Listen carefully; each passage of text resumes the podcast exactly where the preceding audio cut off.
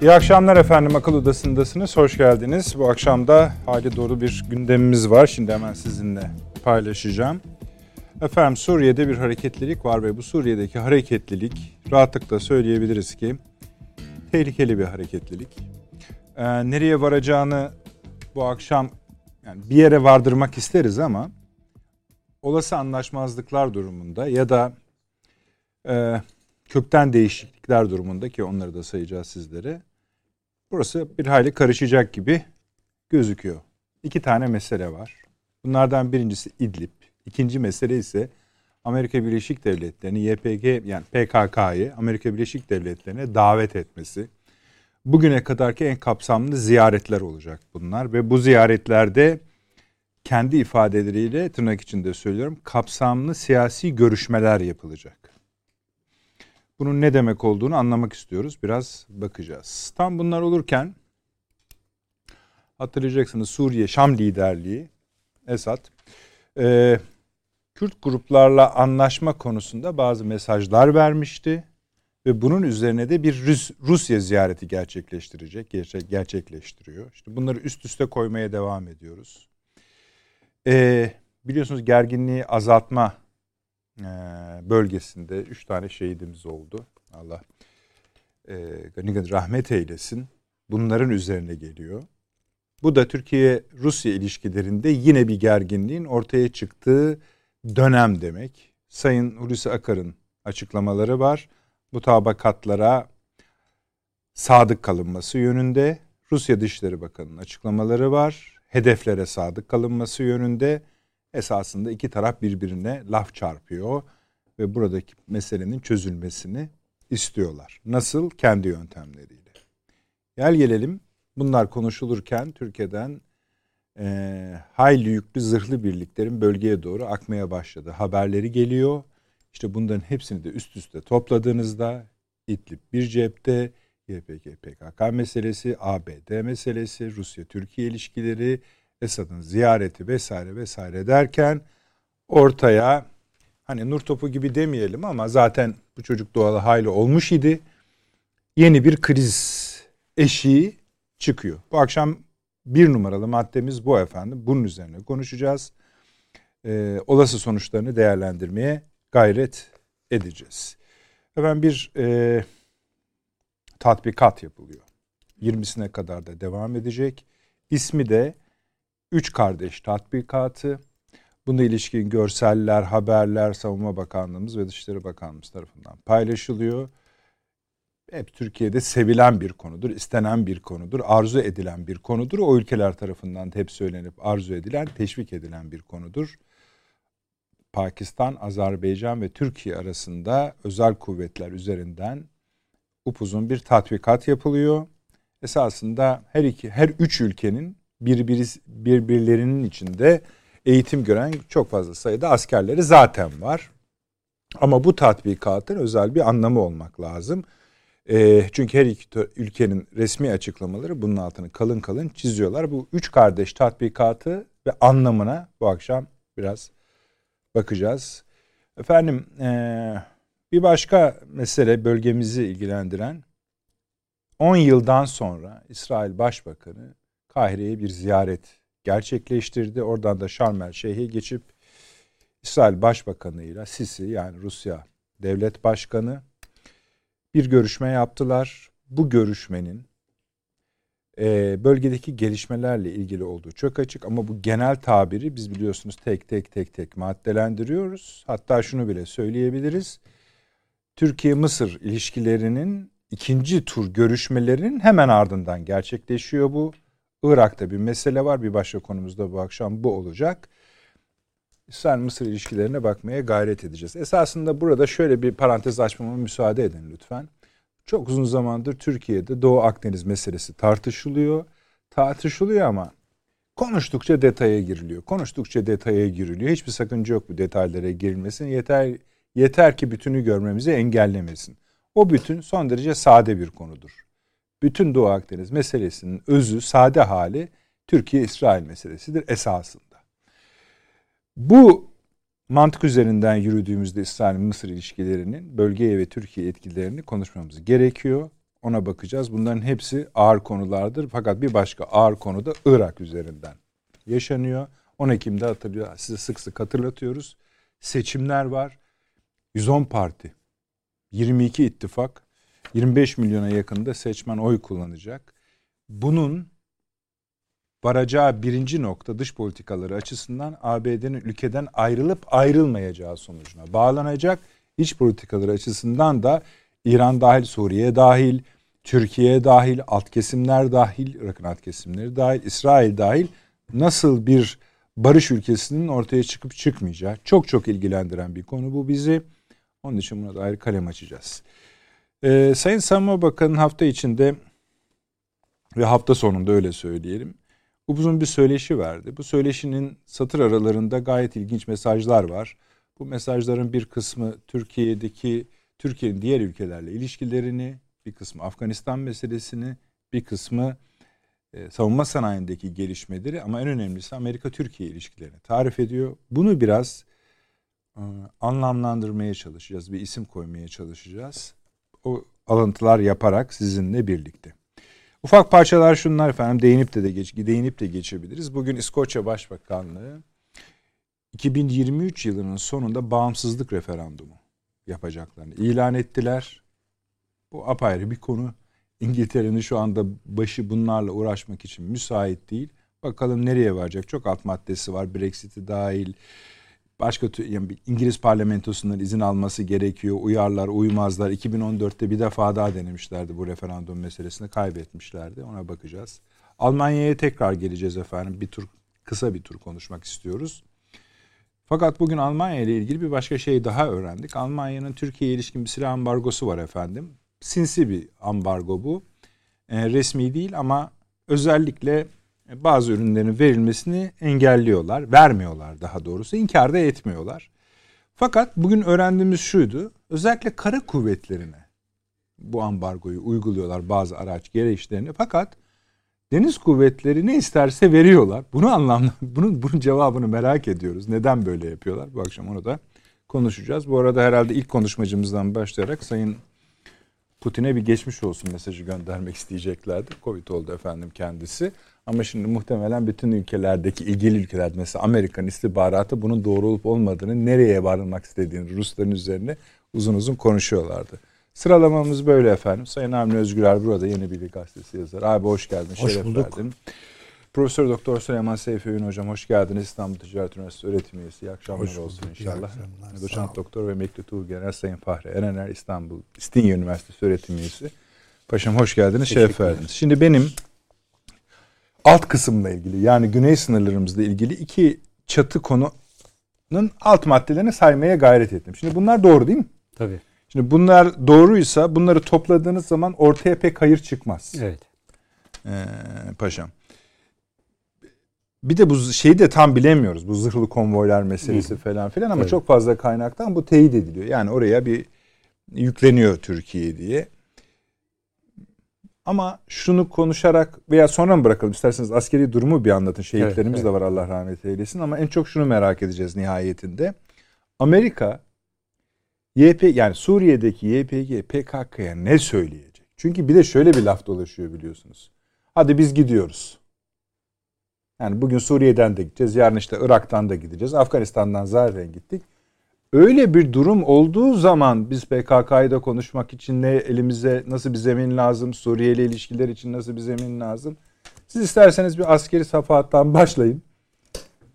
Oradan yürüyelim paşam buyurunuz. Ee, öncelikle tabii hep e, diğer programlarda da ifade ettik. E, bu bölgede e, biz Rusya ile Soçi dahil, Fırat'ın doğusu bölgesi dahil en az iki adet Astana sürecinde birden fazla mutabakat imzaladık. Ama doğrudan doğruya Rusya ile yaptığımız iki temel mutabakat var. E, Barış Pınarı e, harekatı sonrası yaptığımız e, bir mutabakat. E, ikincisi de yine e, Soçi sonrasında e, buradaki e, gözlem noktaları e, konusunda e, ortaya çıkan bir mutabakattı. Her ikisinde de var olan iki husus vardı e, ki özellikle Fırat'ın doğusunda Rusya'nın e, ortaya koyduğu ve Türkiye ile imzaladığı hususların hiçbirini yerine getirmediğini görüyoruz. Bir tek ortak devriye ve bugüne kadar ortak devriye faaliyetlerinin ne Soçi veya Medot Karayolu üzerinde e, yani İdlib bölgesindeki faaliyetlerde e, ne de M4 karayolu üzerinde terör örgütünün Türk Silahlı Kuvvetleri'nin kontrol ettiği bölgelere sızması konusunda Rusya'nın hiçbir şekilde etkisi olmamıştır.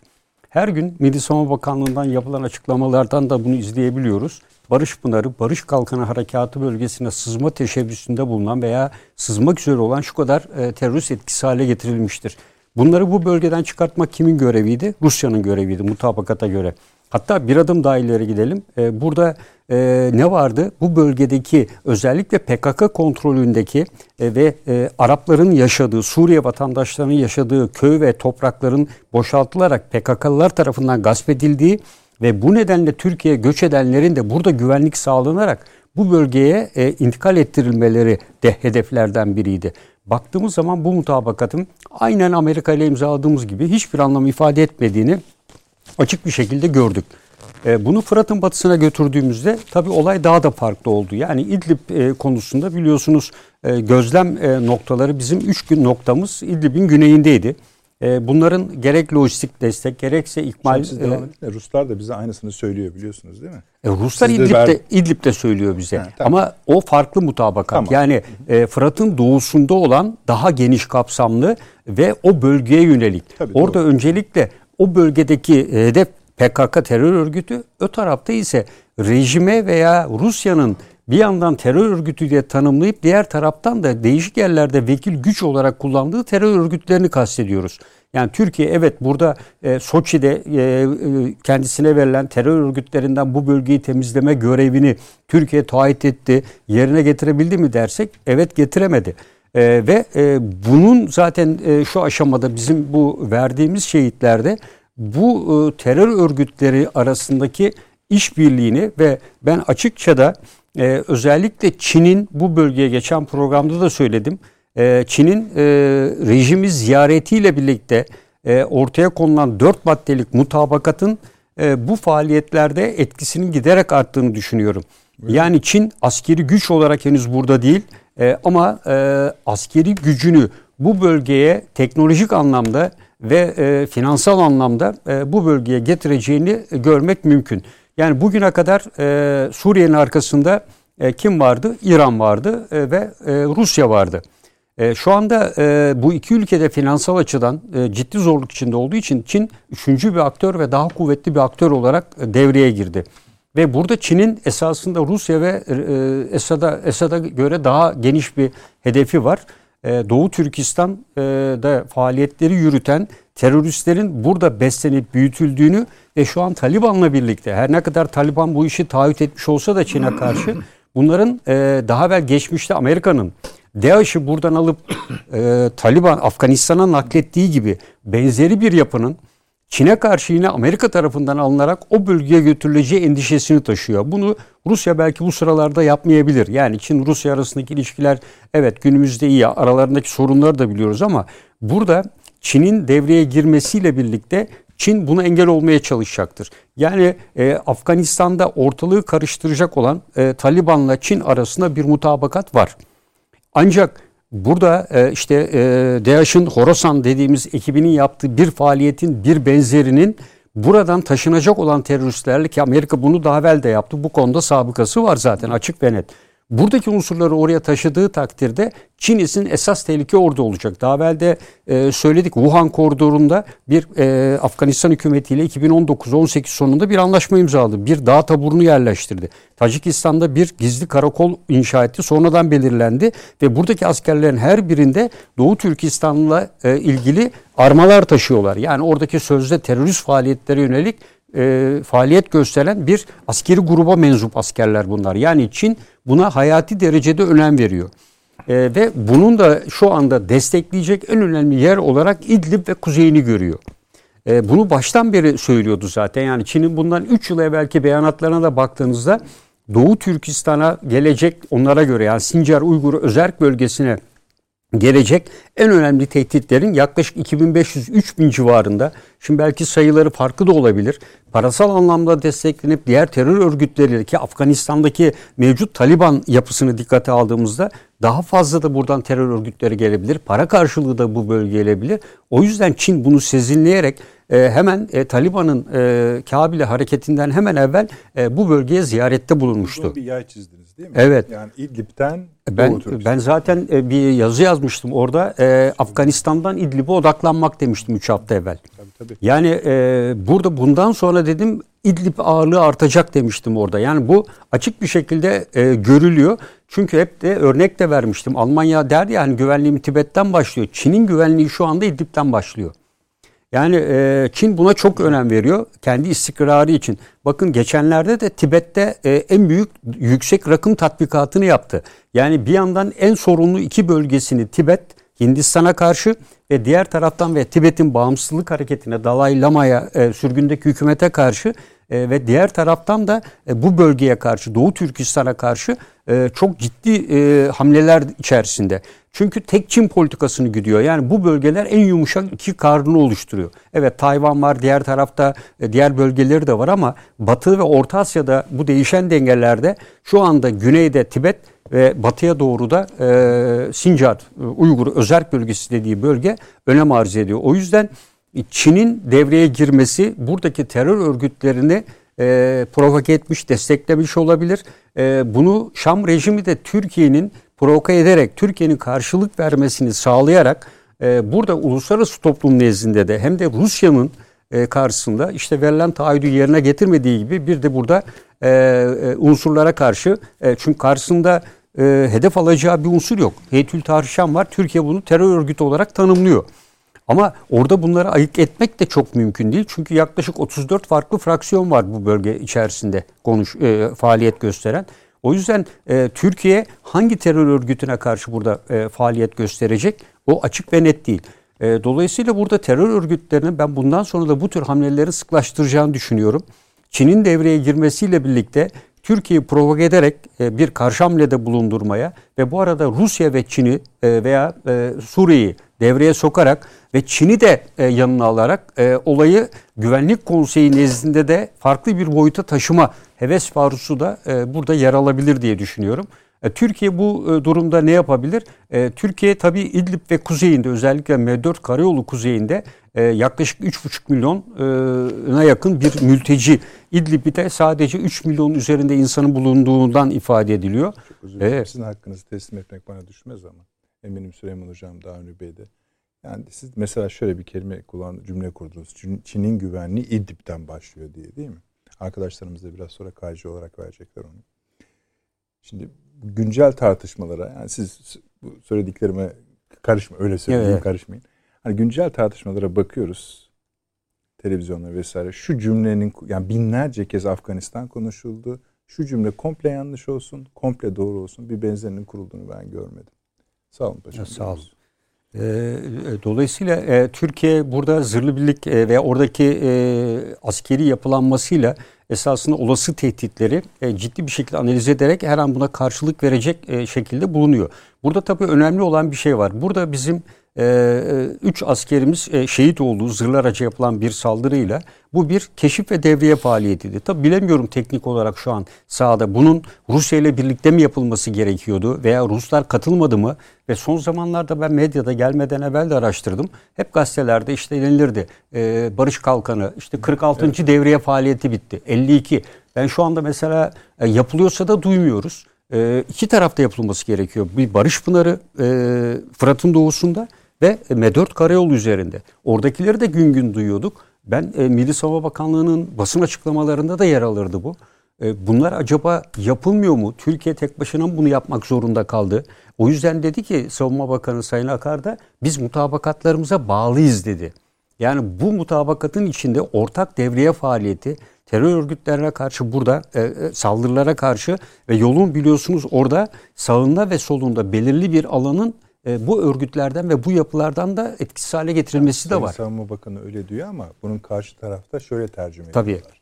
Hani Türkiye'nin Savunma Bakanı bize dedi ki o mutabakata sadık kalın. Onun tercümesi onlar evet, için. Evet. Onun için de diyorlar ki siz de bir verdiğiniz sözleri tutun bakalım bu bölgelerin işte, işte İdlib'de radikal evet. bir on tırnak içinde söylüyorum hani vesaire vesaire gruplar. Ama saldırı bize yapılıyor. Yani burada esas yani, nokta tamam. bu saldırı rejime yapılsa. O zaman yani mesela buraya kadarki bölümü toplayıp cem ettiğimizde Burada bir anomali görüyor musunuz? Bir e, hareketlilik görüyor musunuz? Tabii bu e, anomali Çin'in de devreye girmesiyle ve Amerika Birleşik Devletleri'nde Fırat'ın doğusundan çekilme emareleri göstermesiyle Heh. birlikte İdlib konusu şu anda rejimin önündeki en öncelikli konu.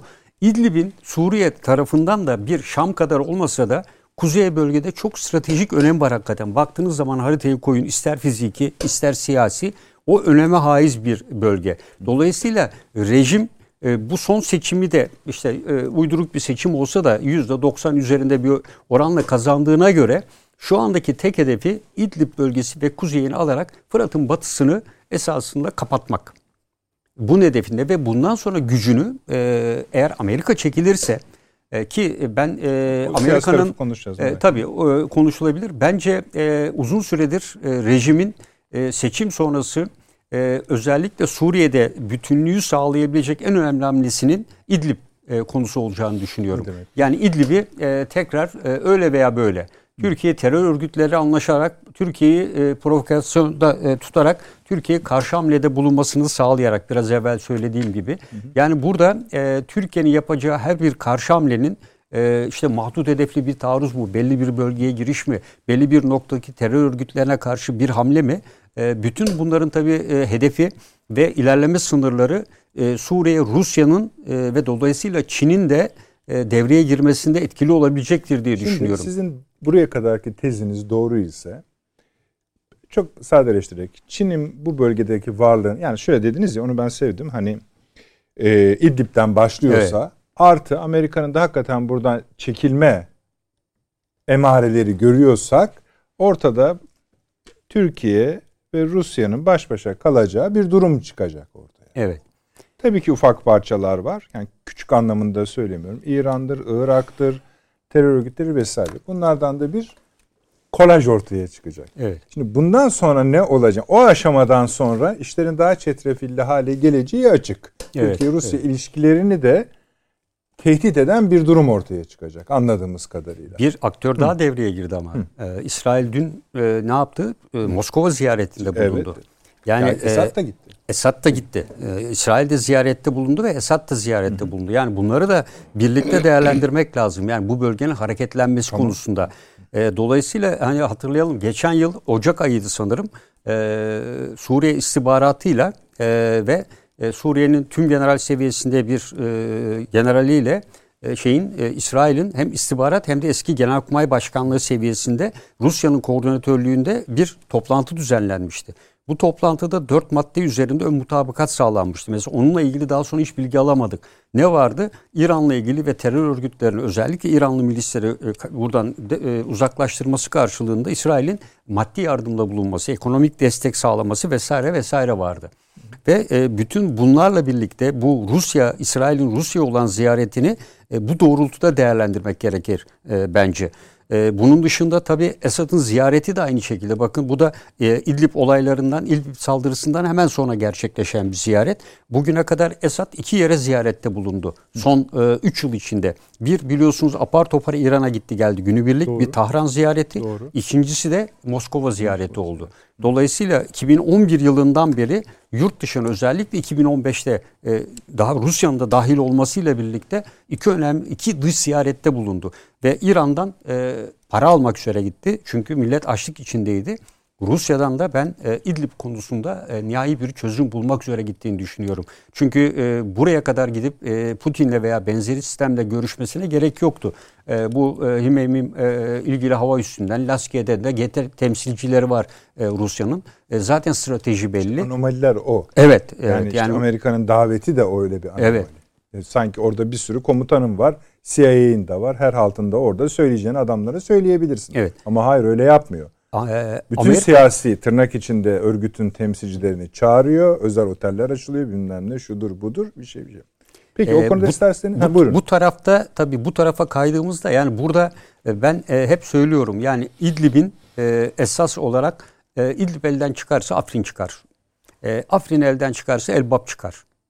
E, yani bu e, ben hani e, Makinder'ın kara hakimiyet Hı. teorisi gibi yani İdlib'in e, İdlib e, şu anda bu coğrafyanın e, özellikle Fırat'ın batısının e, kalp yağı durumunda. Yani burayı e, elinde tutan ve kontrol eden e, bu bölgeyi de e, bence kontrol ediyor. O yüzden Suriye'nin ve rejimin e, İdlib'de o kadar güneyi temizlediğini iddia ediyor. O bölgeler işte Hama, Humus, Şam bakıyorsun. Bugün Şam'da televizyonlara baktım gayet güzel. Halk normal hayatına dönüyor. Amerika'nın Afganistan'dan çekilmesi karşısında söylenen tezlerden biri o bölgede Amerika ile Rusya'yı tokuşturma arzusu. Yani idi. Tezlerden biriydi bu. Orada tutmayan şey burada Türkiye Rusya açısından tutar mı tutmaz mı tartışmasını da başlatabilir bu. Evet. Ee, ona da bakalım. Bence e, burada son belki daha sonra tartışılabiliriz yani. Tabii konuşacağız. E, ben Tabii, geçen hafta biliyorsunuz Lafarge'dan evet. söz ettik değil mi? Burada yani reklam oluyor evet. ama adam e, Onu istihbarat zaten yapıyor. ismini de değiştiriyor yani ismi, rahat olun. E, ismi bu. E, bunun kimlere nasıl destek sağladığını gördük. Ve arkasından e, Macron'un hem Lübnan'daki patlama sonrası e, bu bölgeler olan ziyaretini gördük. E, bence Amerika Birleşik Devletleri e, buradan e, çekildiği zaman bu bölgeyi Fransa'nın kontrolüne bırakacak. Yani e, ve e, bunun bence pazarlıklarını yapıldığını ben e, değerlendiriyorum ve bu durumda da e, bunları böyle anlı şanlı törenlerle davet edip misafir etmenin altında da e, kendisinin e, yerine bir başka güce kendisinin kontrolünde devredeceği şeklinde yani ben de PKK YPG'yi Paris'e devretme, Paris'e devretme operasyonu, operasyonu olarak, mı e, olarak görüyorum ben bunu. Yani elbette bu bölgeye ilişini kesmeyecektir ama mesela Irak'ta da Irak'ta da e, son günlerde Amerikan asker sayısında ciddi bir azalma var. E, ee, evet Şeyleri yani çıkacağız e, diyorlar evet, ama bu şeyi bunları nereye götürüyor? Bunları Katar'a götürüyor. Doha'daki üsse götürüyor. Her ne kadar yakın buradan istediği zaman getirebilir ama o bölgede bulundurması orada kullandığı güçlere e, ciddi bir moral ve motivasyon sağlar. Yani bu e, çimento fabrikasının e, çalışanlarının burada sağladığı e, istihbarat desteğinin e, ben e, ve burada Fransız özel kuvvetlerinin 300 veya 500 kişiydi burada yer almasını da sıradan bir faaliyet olarak baştan beri görmediğimi söylemiştim. Yani burada Fransa, Amerika'nın kontrolü ise Fransa ne yapıyor Süleyman burada? Hoca'nın fail teşhisi doğru çıkıyor yani o belgeleri kimin sızdırdığına e, Evet yani, e, tabii. Ama ondan sonra da işte İskoçya'yı baştan. Yani burada tabii e, Amerika Birleşik Devletleri, burada Fransa-Rusya ilişkileri e, devreye girer mi? Fransa-Suriye ilişkilerinin zaten tarihsel kökeni var. E, Suriye e, Fransızların kontrolündeydi biliyorsunuz. Ee, bunları da dikkate aldığımızda ancak ben burada e, İngiltere'den ziyade e, Fransa'nın eski sömürgeli veya manda yönetimi olduğu için e, Fransa'nın 300'de olsa simgesel ve bunların da konuşlandığı yer bu çimento fabrikasının yakınlarıydı hep. Hocam biliyorsunuz Paris'te de siyaseten bayağı karışık bir dönem evet, evet. Yani seçimler ama tabii de esasında yapılacak. buraya da bir etkisi olur mu? Muhakkak istikrarsızlığın evet, evet. ama onlar hani çok etkileyeceğini de düşünmemek ee, Bir lazım. de tabii son olarak da şunu Lütfen. söyleyeyim. E, bugüne kadar e, anayasa e, görüşmeleri Suriye konulu iki kez yapıldı. Üçüncüsü yapılamadı. Evet. E, ve dolayısıyla artık anayasa görüşmelerinden ümidi kesmiş durumdalar. Esad'ı e, hareketlendiren de bu İdlib konusunda. Yani bugüne kadar beklentisi işte e, anayasa e, Rusya frenliyordu. Bir dakika dur diyordu. Anayasa görüşmeleri yapılacak. İşte e, bunlar yaparken müdahale olma, e, daha kötü duruma düşme diyordu. Şu anda anayasa görüşmelerinin sona ermesi ben de e, rejimin karşı harekette ve bu bölgeyi tekrar kendi e, kontrolü altına almak istemesinde ve bunun içinde sağdaki ben e, vekil güçleri e, Rusya'da kullanıyor olabilir, e, Suriye'de kullanıyor olabilir, İran'da kullanıyor olabilir. Yani e, her üçü de e, buradaki e, Heytül Tarşam veya bir başkası olabilir. E, Türkiye'ye karşı e, provoka, e, provokasyon eylemlerde bulunmaya Te- zorluyorlar. Çok tehlikeli bizim. Evet yani çok tehlikeli bir Biraz tırmanış. o konuda Avni Bey'i zorlayalım bence. Şimdi Avni abi bu bir Amerika bu adamları niye davet etti? İki hadi etti ne söyleyecek? Üç Paşamı da dinlediniz. Eğer hani böyle bir şey söyleyecekse hani işin nereye varacağı konusunda bir de şöyle bir tablo var. Süleyman Hoca'dan orada katkı alabiliriz. Hani bu toptan Amerika'nın bölgeden çekilmesi nasıl bir vakumdur, nasıl bir şeydir aslında onun da konuşulması gerekiyor ama biz ayaklarını oluşturalım şimdi. Süleyman Hocam üstüne bir tepsi koyar muhakkak. Buyurunuz. Şöyle bir şey var. Ben geçen hafta da Amerika'nın böl yani bu bölgeden Suriye'den çekileceğini söylemiştim tamam. zaten. Çekilme kararının kuvveden fiile yansımasının e, işe emareleri bunlar zaten işte. Hem PD'yi bir taraftan çağırıyor. Öbür taraftan e, bakıyorsunuz işte Esed Rusya'ya gidiyor. Yani Putin'le bir görüşme veya dışı alt kademesinde bir görüşme, şu bu filan. Hepsi var yani.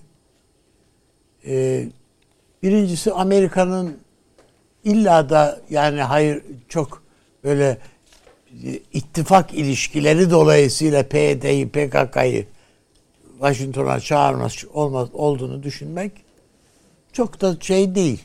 Gelmiyor bana. Yani biraz da arkadaş deniz bitti. Demek için de çağırmış olabilir. Yani bu söylediğiniz şey aslında bir tarih kapatıyor farkında mısınız? Bitti. Yani terk ediyor yani adam zaten. Peki. Ha deniliyor ki kardeşim yani bu bu kadar binlerce tır silah verdi, şunu yaptı, bunu yaptı. Şimdi gider mi bunlar? Hı. Yani Af- Afganistan'dan gitti. Yani gitti. hepsini bıraktı gittiydi. E burada da gider yani ne olacak? Paraları verir. Biraz daha karınlarını doyurur o PKK'lıların, PYD'lilerin. Ondan sonra da gider. Ha bu gider de Türkiye'nin üst sırtından sopayı çeker mi? Hayır. Başka şeyler orada ortaya koyulabilir. PKK burada e, Amerika istediği kadar terk etsin. PKK kendi şeylerini e, saldırılarını geri çekmeyebilir. Ama Amerika burada başarısız olduğunu ve projesinin çamura battığını gördü. Yani Amerika'nın hedefi bir koridor oluşturmak ve bir e, şey devletiyle bir işte e, bu korsan devletle Akdeniz'e açılmaktı. E şimdi Türkiye'nin üç peş peşe harekatıyla bunun hiçbir şekilde mümkün olamayacağını gördü. Gördü de ne yaptı? Son geldiğimiz noktada Rusya'ya dedi ki arkadaş ben bu Türkiye'nin kontrol ettiği bölgelere bütün bu mücadeleyi Halep'te dahil bütün bu coğrafya sana devrediyor. Bitti benim için. Yani bu... Ve üzerimize bu kadar Rusya'nın gelmesinin arkasında bu yatıyor. Yani bu devretmeyi e, Fahri Paşa'mın Fransa değil, Fransa Rusya. değil ben Rusya Fransa değil Rusya olarak görüyorsunuz. Ben Fransa'nın e, orayı toparlayacak gücü mücü de yok zaten. Peki. Yani e, adam birazcık heveslenip de heveslenince zaten Erbil'e gitti filan filan oralarda bir şey yapmaya çalıştı ama Macron onlardan da bir şey çıkmaz. Ama Rusya e, tablosu farklı. Şimdi burada e, Fahri Hocam'ın söylediği Çin'in güvenliği İdlib'den başlar. Bu söz doğru. Fakat sadece Çin'in güvenliği İdlib'den başlamıyor. Türkiye'nin güvenliği İdlib'den başlıyor. Efendim e, İran'ın güvenliği İdlib'den başlıyor. Rusya'nın güvenliği hepsinin güvenliği İdlib'den başlıyor. Hatta Amerikan. İdlib dediğimiz 3 sene öncesi, 4 sene öncesi 1 milyon nüfuslu bir kasabaydı. Yani 1 milyon bile değil. Göçmenlerle o kadardı. Şu anda 5 milyon nüfus var. İnsan yaşıyor. Ve Rusya'da diyor ki işte işte mutabakatlara uymalıydınız filan dedikleri bize. Yani istedikleri kadar söylesinler. Hı. Bunların hepsi palavra. Palavra dediğimiz şu. Yani geçerliliği yok bunun. 5 milyon insanı öldür diyor Türkiye'ye. Tepeden kendisi nasıl bombardıman uçaklarıyla bombalar yağdırdı, sivil insanları öldürdü ya, hastaneler, hastaneler hepsi bombalandı, okullar, okullar, binlerce çoluk çocuk öldü.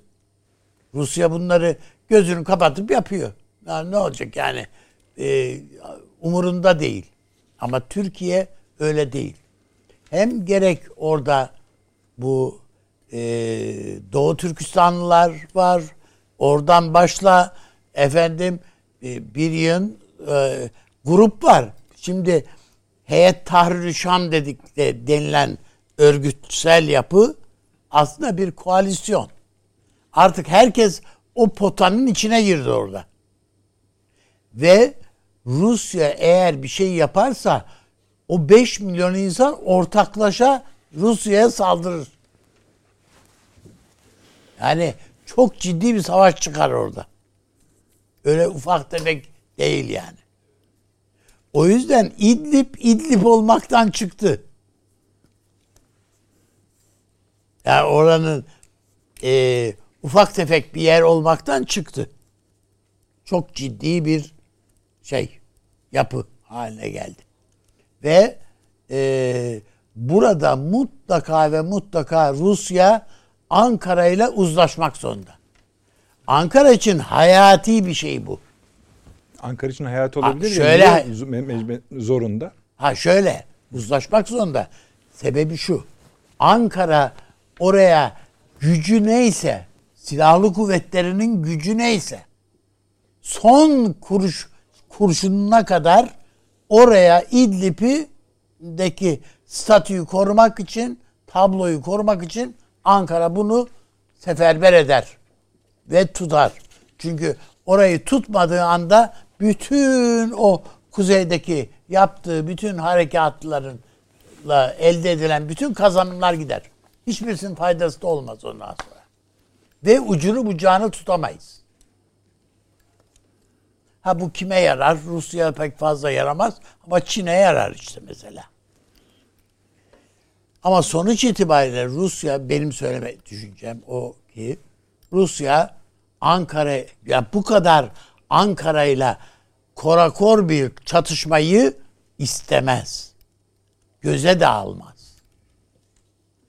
Başkaca sıkıntıları var. Yani Kırım'da sıkıntısı var, Ukrayna sıkıntısı var, Azerbaycan'da var. Her yerde var yani. İşte üç kardeş bilmem ne tatbikatlar filan bunlar öyle sırf eğlence olsun diye yapılmıyor. Yani biraz silahçılık oynayalım filan. Hani kovboyculuk oynar gibi.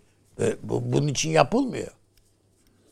Pakistan, Azerbaycan, Türkiye, Pakistan bir tarafıyla Afganistan'a bakarak yapıyor bunu. Rusya'nın oralara da sarkması var. Bilmem nesi var. Yani bütün bunlara yaklaştığımızda ben Ankara'nın evet Ankara'nın da ihtiyacı Rusya ile uzlaşmak. Bu işin içinde İran yok yani. Bu tarafı var. Yoksa İran Rusya'yı da kışkırtıyor. Vur bunları diye. İdlib'i. Ee, Süleymani'nin de gözünde insanın bir değeri yoktu. Yani Allah rahmet eylesin öldü gitti ama yani hiçbir değeri yoktu. Onlar da Müslüman falan diye bakmadı. Herkesi öldürttürdü. Bütün o suikastları falan planladı, uyguladı. Burada da istedikleri o. Rusya'yı kışkırtıp burayı İdlib'e bomba yağdırttırmak. Onun için ben e, bu tuzağa e, bir bakıma Putin'in e, keza Ankara'nın da yani düşeceğini düşünmüyorum ve e, Ankara o kadar kendinden emin ki dikkat ederseniz bir haftanın içerisinde iki defa Türkiye bu S-400'lerin ikinci partisini de evet, alacağız evet. diye açıklama yapıyor ya. Hani hani kör gözün parmağına böyle dürter gibi. E zaten yani, normal o zaten Hazır efendim alıyoruz falan diye. Yani evet. bitti o işte ya. Açıklama yaptı. Savunma Bakanı. Yok şimdi şöyle bir şey var Avni abi. Ben hala yani Süleyman Hoca da aynısını söyleyecek herhalde. Amerika'nın buradan gittiğini ne kadar çabuk benimsediğinizde şaşırıyorum. Gittik Niye? Yani niye alıştıydık. E, Amerika yani buradan gidiyor deyince Amerika hayatımızdan çıkıyor anlamına gelmiyor. İşte yani. Yani bu hani Amerika oradan çıkar başka yere girer. Özleyeceğimizden söylemedik abi ama hakikaten gidiyor. Ama yani düne, düne, düne kadar biliyorsunuz Hı. işte Dede Ağaç'ta yok bilmem nerede şurada burada diye Eyvallah. habire Hı. yani bu Amerika'nın nasıl Türkiye'ye saldır ne zaman saldıracağının hesaplarını da yapıyordu birileri. Yani hı hı. Bunların hiçbirisi de olmadı. Tasın tarağını topladı gitti işte gidiyor. Ha Pasifik'e gidiyor. Oraya mı gidiyor hakikaten? O da belli değil tam. Ayrı konu. Hı. Ne yapıyor yani oralarda ne yapacak? O da belli değil. Çünkü evet, kendi evet. ülkesinde de yani Amerika Birleşik Devletleri'nde de kuyruğu çok sıkışık vaziyette. Yani Amerika'da da önemli bir toplantı var. Yani Japonya, e, Avustralya e, ve o hani orada bir dörtlü var ya onları evet. Amerika'da toplantıya çağırdı Amerika. Evet, evet. Yani bu e, Güney Çin'le e, evet, sonra da evet. Kuzey Kore şey fırlattı bugün. Evet 1500 kilometre menzilli füze ha, fırlattı. Seyir füzeleri yani 1500 hani, kilometre. Yani başlık kendi ülkesinde de yani Biden şey evet. e, sıkışık durumda. Altyapı yok, şurası yok, burası yok. Yani sadece donanma işte güçlü silahlar falan bulunan Amerikalı onlarla tatmin olmuyor. Ha, Türkiye'de evet mesela bu Covid'den dolayısıyla vaka sayıları artıyor, ölümler arttı filan filan bir şeyler oldu. E bizde arttığı gibi Amerika'da da iki misli artıyor. Daha yüksek oranda. Onun için yani Amerika'nın kendi derdi kendine yeter. Ee, ilave dertler olmadığı için gidiyor. Dire, e, e, o yükleri kaldıramayacağı için gidiyor.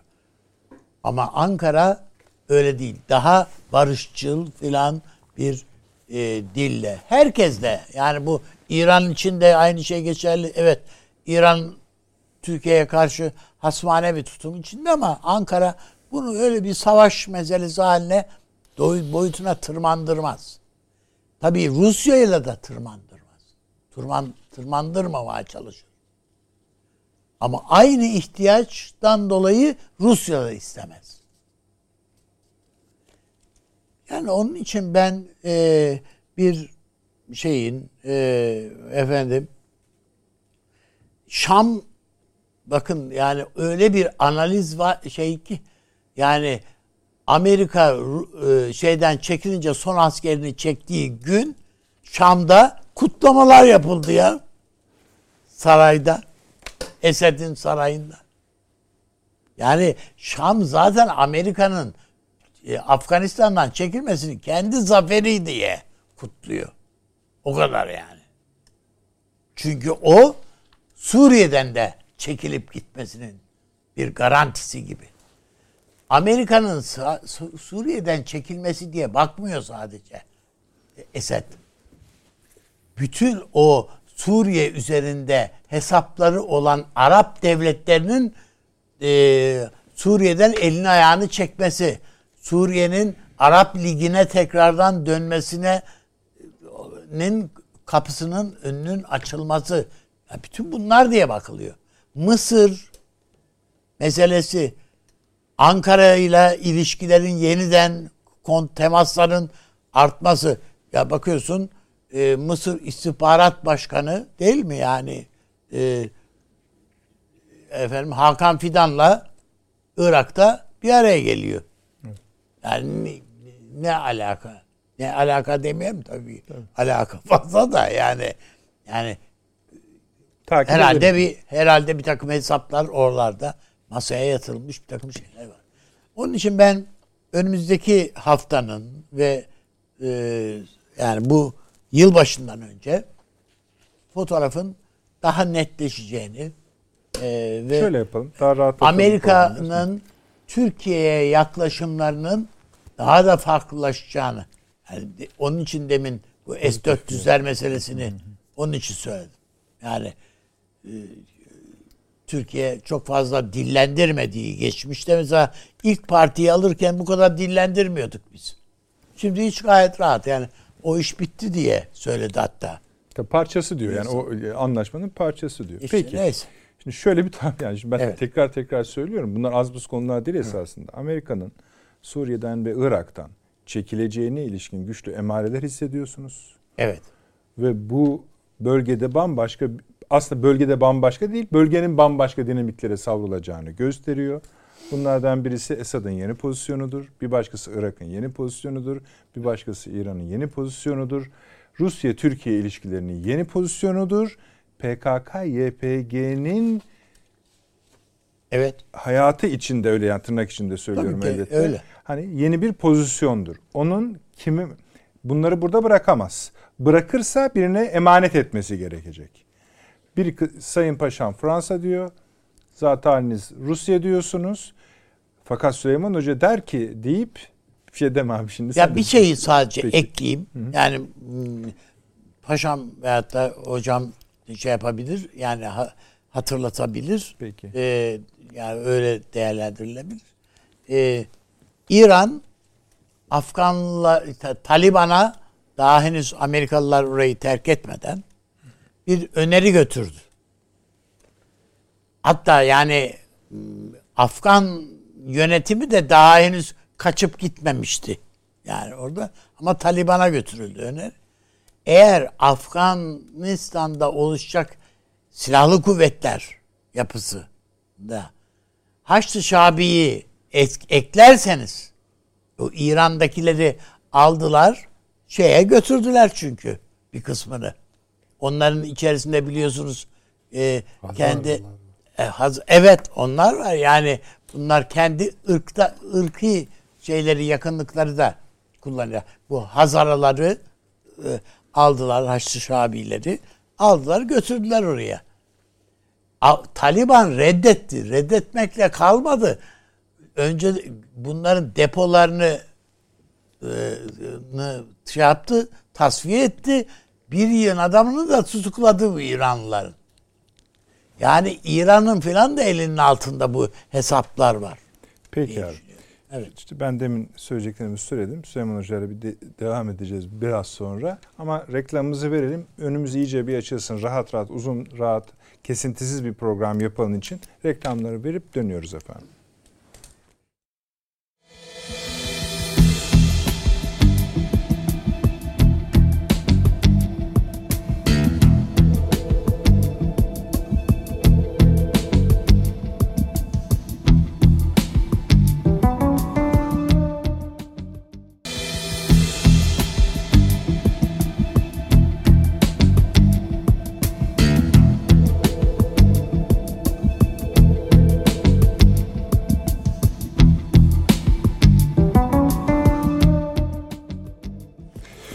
Döndük efendim. Akıl Odası devam ediyor.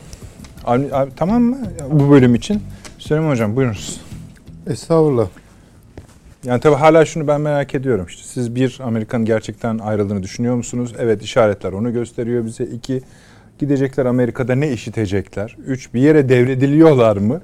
Emanete teslim ediliyorlar mı? Onlar kim? Eğer öyle bir şey varsa. Üç bunun sonucunda bölge dinamiklerinin nasıl olacağını düşünüyorsunuz? Siz de muhtemelen bana şimdi diyeceksiniz ki güzel demek ki 5 saat konuşmamı istiyorsun. Buyurunuz. Estağfurullah. Şimdi her boşluk e, bir şekilde dolar yani. Tabiat boşluğu kaldırmaz diye bir laf var. E tarih de kaldırmıyor boşluk yani. Böyle bir şey yok. Hele böyle bir e, dünyada. E, fakat boşluğun doluş tarzı da türbülans denilen bir riski getirir beraberinde. Yani sarsıntılar ve savrulmalar olur.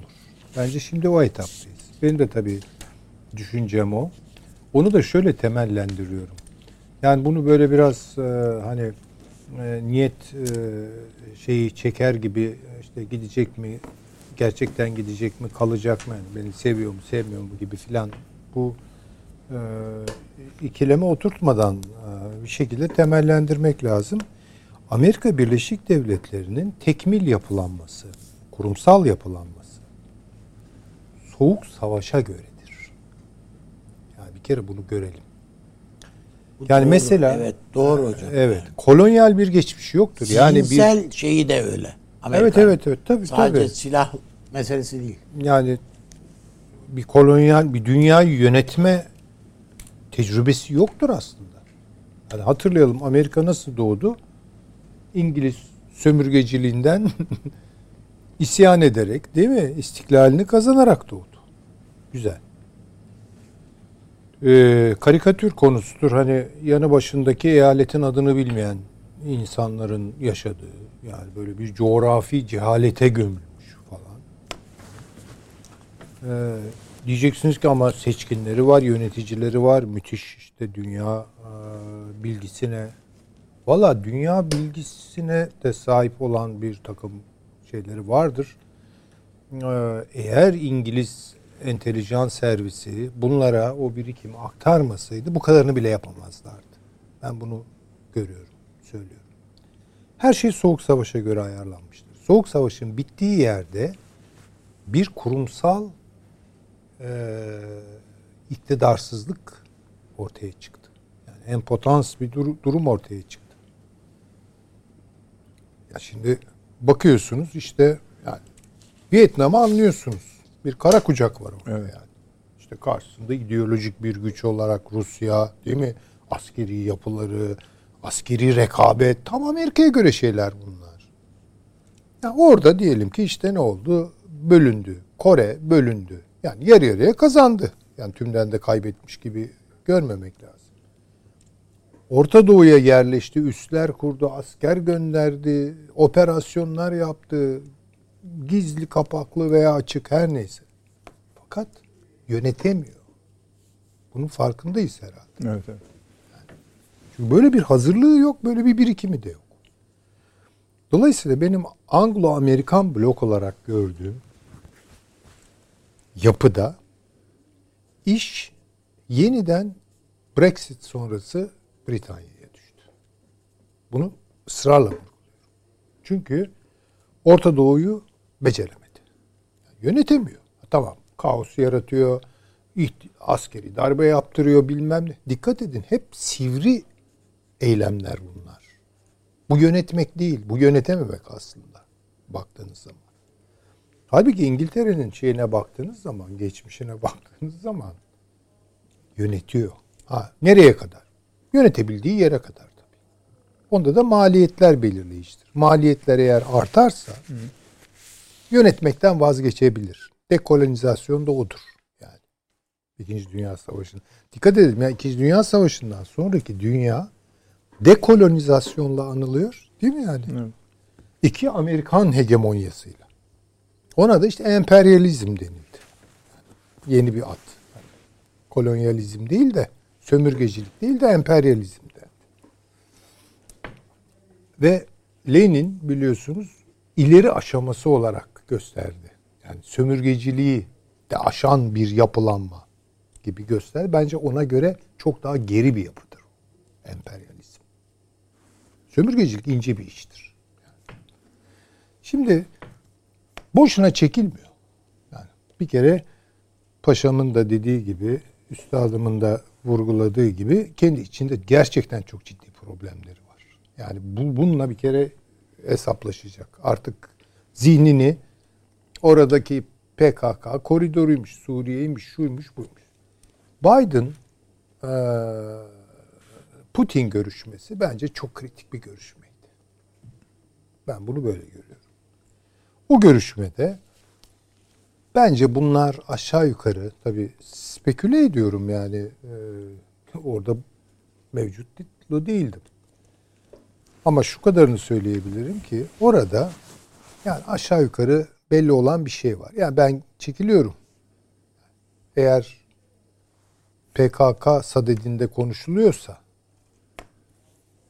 yani bu işe sen biraz vaziyet et demeye getirdiler. Yani bir kere Rusya çok önemli bir aday o boşluğu doldurmak açısından. Bunu destekleyebilecek bir başka güç ise İsrail'dir. Ve İsrail Rusya yakınlaşmasına aman dikkat edelim.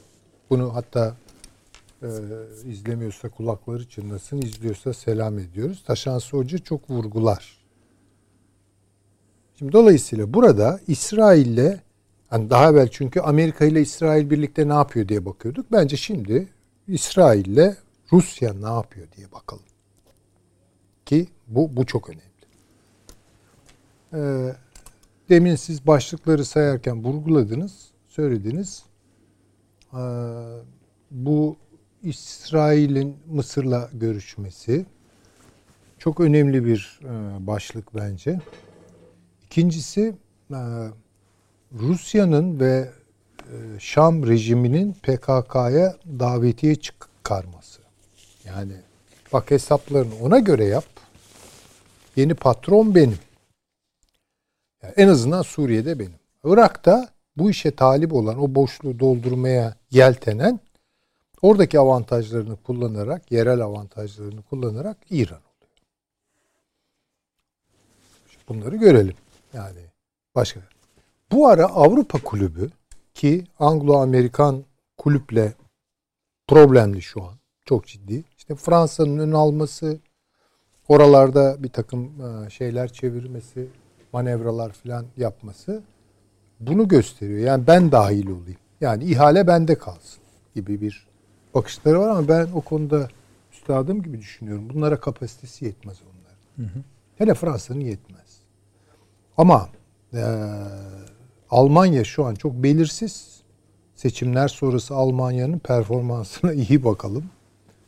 E, onlar da bu işe talip olabilirler. Zaten e, PKK'nın e, başından beri hamisi ya Fransa'dır dönem dönem ya Almanya'dır. Bunların arasındadır yani. Avrupa Kulübü'ne oynayan bir tarafı vardır. Ee, şimdi Rusya ne yapacak?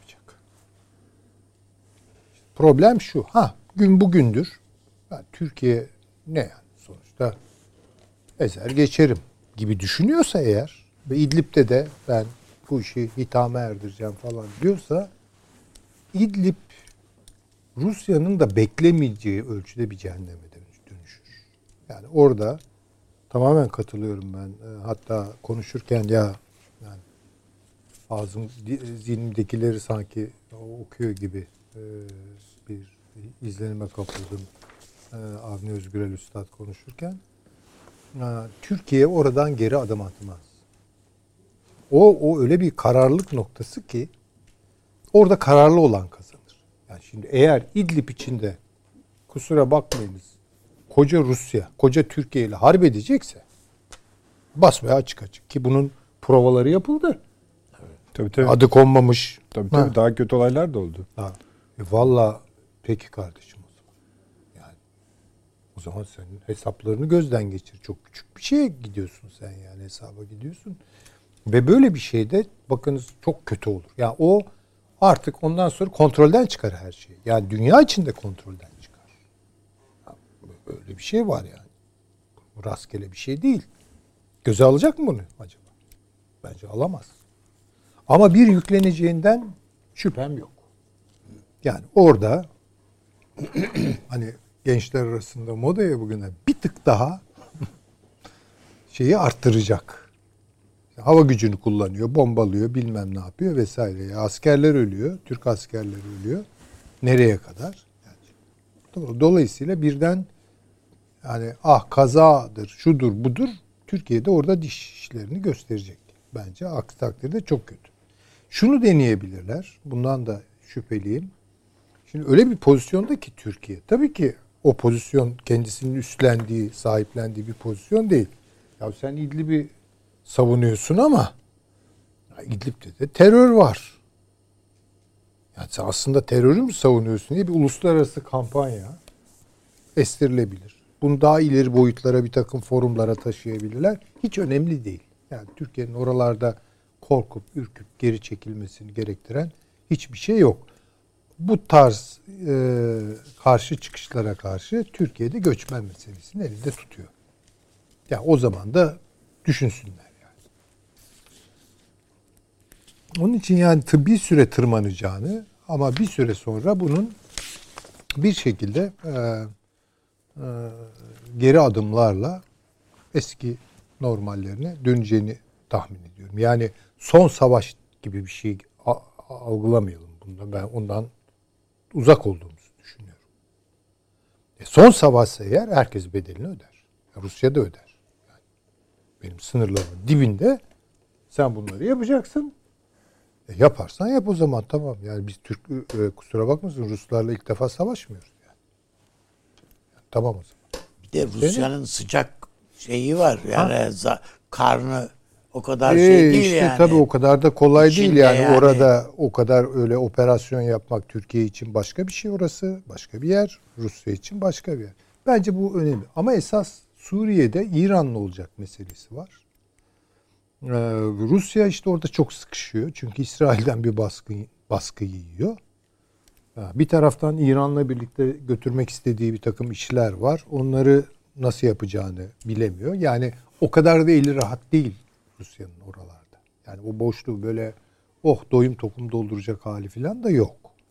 Ama bir e, hararetli... Irak seçimleri belki İran'ın ne olacağına ilişkin bir işte tabii orada çok doğru. Yani Amerika'nın pozisyonu mesela İsrail bu hakikaten çekilme çünkü adamlar iki tane şey söylemişler. Yani birinci tarih seçimleri görelim ve mesela Şii gruplarla gidip görüştü Bağdat yönetimi dedi ki oy verilene kadar sesiniz çıkmasın. Birinci aşama bu olsun. İkinci aşamada, yıl, aşamada yılbaşı olsun. Sonrasına bakarız. Onlar da tamam demiş. Yani bu aynı zamanda Amerika'nın çekilme tarihleri. Yani yıl sonu. Tabii tabii. Ama Irak biraz farklı. Irak konuşuyorsak eğer. Hı hı. Orada e, hem Türkiye'nin de facto fiili ağırlığı var.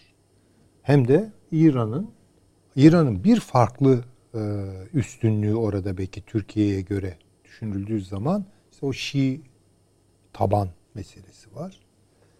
Ee, orada bir bir kısa devre ihtimali var. Zaten İsrail'in ben başından beri Türkiye ile İran'ı kapıştırmak için evet. çok fırsat beklediğini düşünüyorum. E şimdi gene bir başlık hani başlıkları atlayıp evet. sizi zor durumda bırakmak istemiyorum ama yani o kadar iç içe ki bütün bunlar değinmeden geçemiyoruz ister istemez. Bu tatbikat meselesini ne hı hı. İran açısından düşünelim.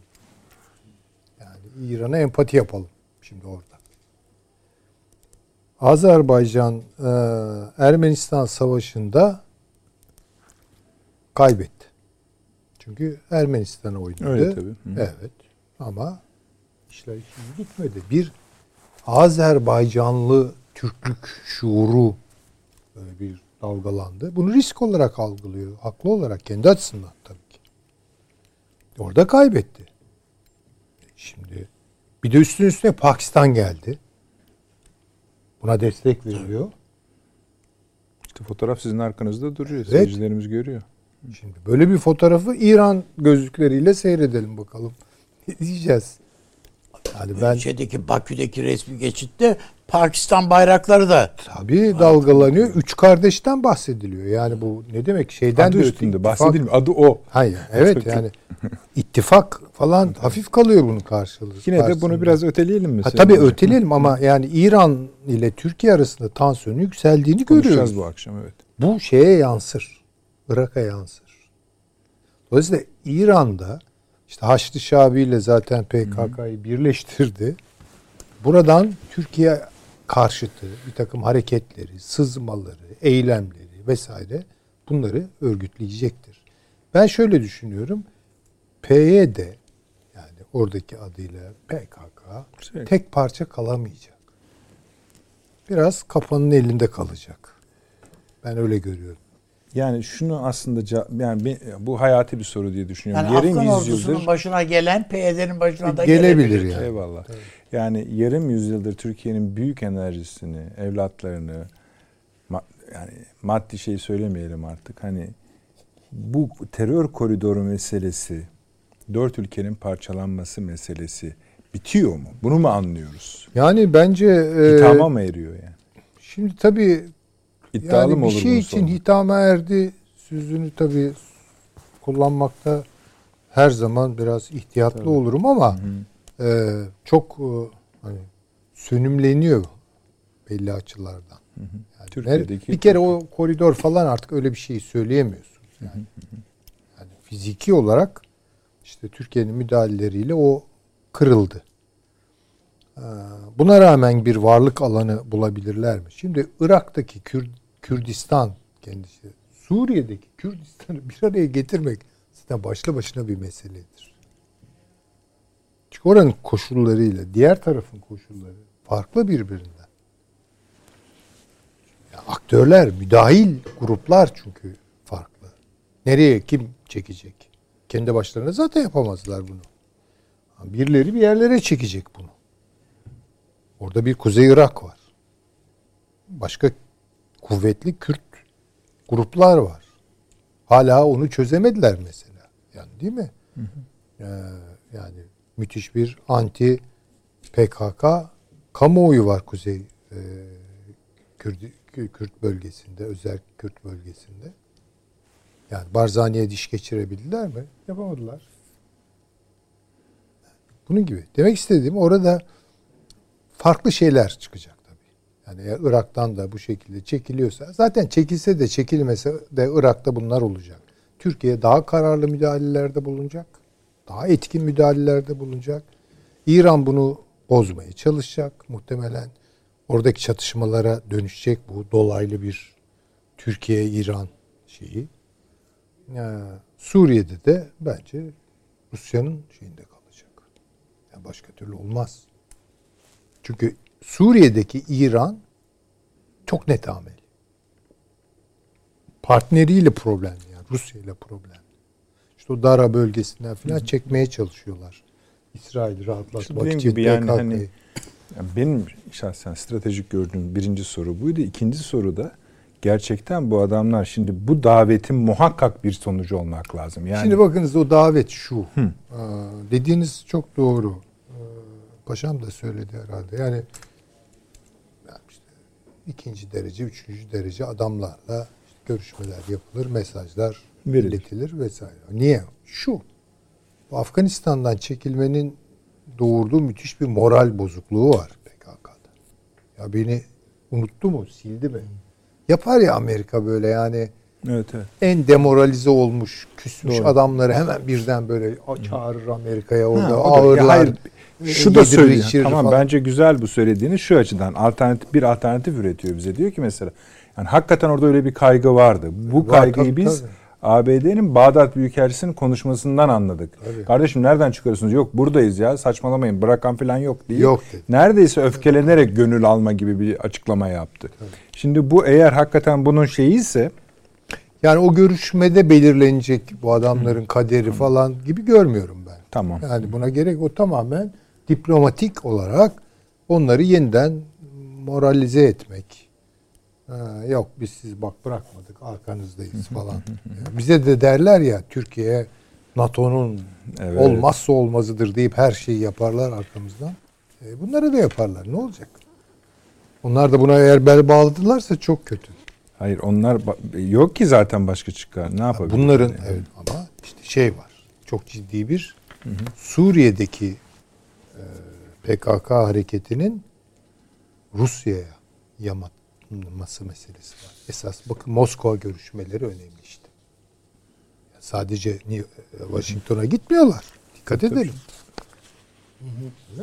Bir de Moskova'ya gidiyorlar yani.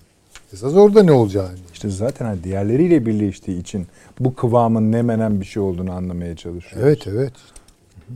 Bence o iki farklı dinamik. Yani Irak'ta İran'ın ağırlığını göreceğiz PKK üzerinde. Suriye'de daha çok Rusya. Bunları göreceğiz. Ha İsrail ikisinde de var. Onu söyleyeyim. Yani İsrail ikisinde de vardır. İsrail galiba üçünde, dördünde, beşinde de var. Ama yani. İsrail'in başka meseleleri. Burnunun dibindeki İran. Onun için birinci derecede önemli. E, Amerika'ya söylesin. Hizbullah. Artık Amerika dinlemiyor. Dinlemiyor. Amerika artık dinlemiyor. O başka. o Trump döneminde olur diyor. Evet. Peki Süleyman Hocam. Abi bir şey söylüyordun herhalde bu konularla ilgili. Yok hayır. Ha, yani tamam. ben e, e, şimdi Amerika'nın zaten yeteri kadar derdi var da ama işte önümüzdeki dönemde yine içerideki tartışmalar yine Afganistan üstüne Amerika'daki çok yoğun tartışmalar var yani. O çıkış şu bu yani hala onun sancıları Amerika'da medyada yani gördüğümüz Yo, o- tut, to- yani şöyle söyleyeyim. Öyle hakikaten kolay kolay atıyorlar. atlatılacak gibi bir şey değil yani. Yani ben, yani ben ilk defa bir Dışişleri Bakanı'nın bu kadar hani e, sinirinin o yani kontrolünü kaybettiğini gördüm basın toplantısında. Amerika sadece biliyorsunuz eee, yani mesela Asya'daki ve Orta Doğu'daki ittifak ettiklerinde bir hayal kırıklığı doğuruyor değil.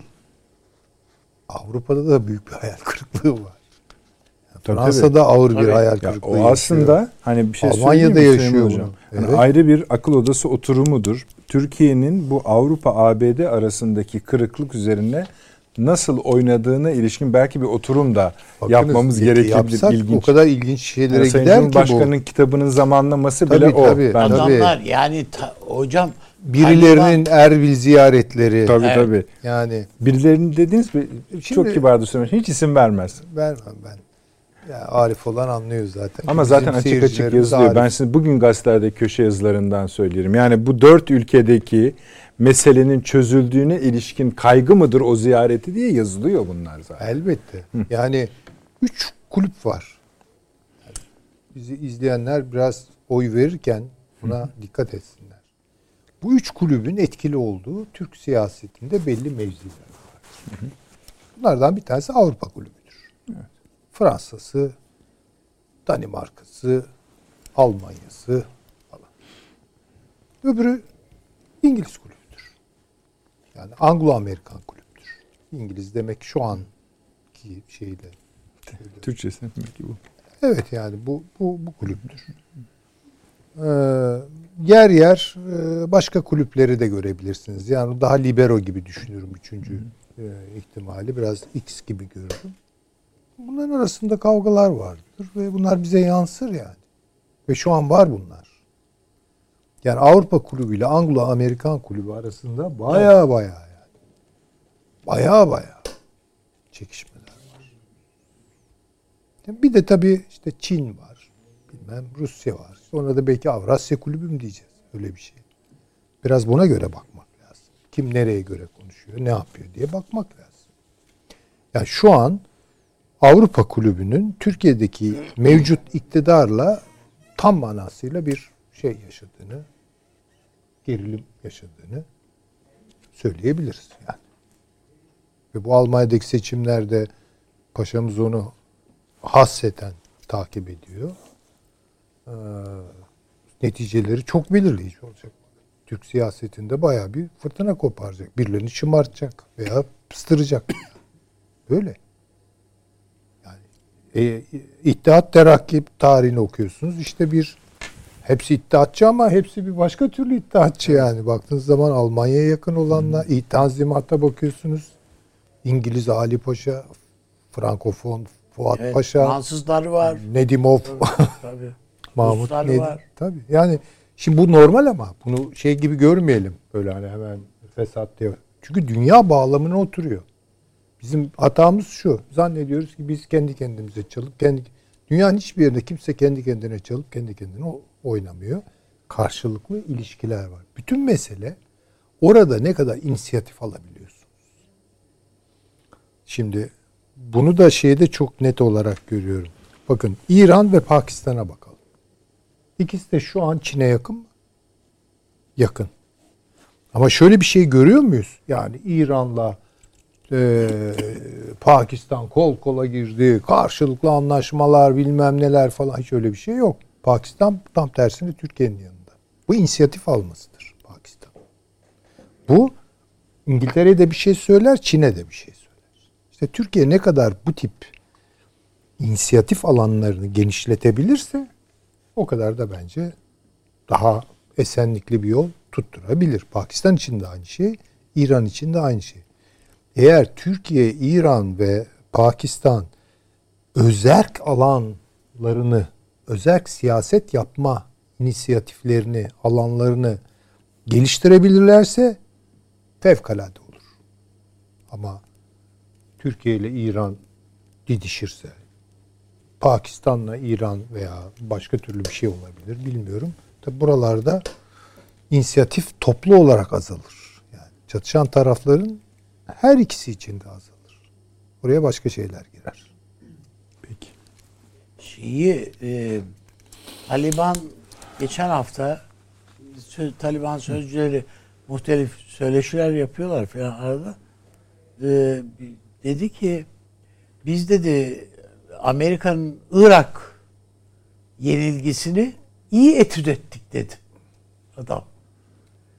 Orada dedi orduyu tasfiye ettiler, polisi tasfiye ettiler. Biz dedi bunun çok tehlikeli olduğunu anladık dedi. Burada polis tasfiye etmedik dedi. Askere de dedi gitmeyin, kaçmayın değişimizin şeyi yani orduyu da tasfiye etmiş değiliz. Etme böyle bir kararımız yok yani. Yani devleti ayakta tutma kararıyla geldik dedi adam. Şimdi bu Taliban'da hakikaten bir şeyin aklın galip geldi. Bugün hani geleceğine ilişkin Taliban'ın Taliban idaresinin geleceğine ilişkin karamsar bir takım şeyler söylemek mümkün. Yani e, geçmişe bakarak bir takım yorumlar yapılabilir. Ama bunların ne kadar doğru olduğu veya doğrulu ol- olacağına ilişkin veya haklı çıkacağına ilişkin bir soru işaretini de koymak Koymak lazım. bu adamlar öğrendiler bazı şeyleri.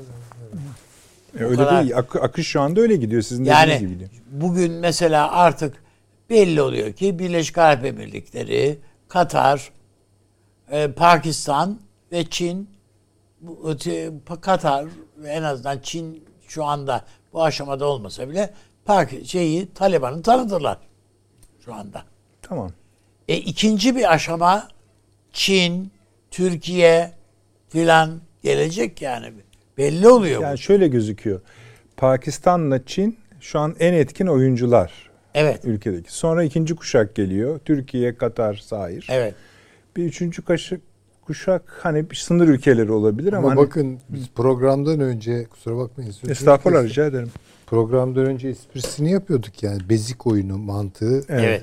Habire elini yükseltiyor. Taliban habire elini yükseltiyor. O da gelsin diyor. Tabii. Yani Almanya da Bu gelsin da sizin diyor, ama ikinizin hani bir şeyler öğrendiğinin tezahürlerinden E, tabii biri bu. canım. Tabii, Yani tabii, daha tabii. önce öyle bir şey yoktu. Ya yani. kimisi gitti belki bu Talibanların kimisi gitti hepsi bakıyorsun. Kimisi Almanca konuşuyor, kimisi İngilizce konuşuyor Öyle filan. Yani e, gitti doktora yapanlar varmış. Anlatıyorlar, söylüyorlar yani bunları. E, bir takım şeyler orada yani boş boş bir zaman geçirmemiş yani o. Bizim e, bir e, muhabirle röportaj yapan bir Afgan Taliban militanı yani silah yoktu yanında ama yani herhalde çok yakınında bir yerdeydi yani. Her an çatışmaya girecek durumda. Müthiş akıcı bir İngilizce konuşuyor. Çok e, şey yani aksansız bayağı. Nerede öğrendiniz diye sordu.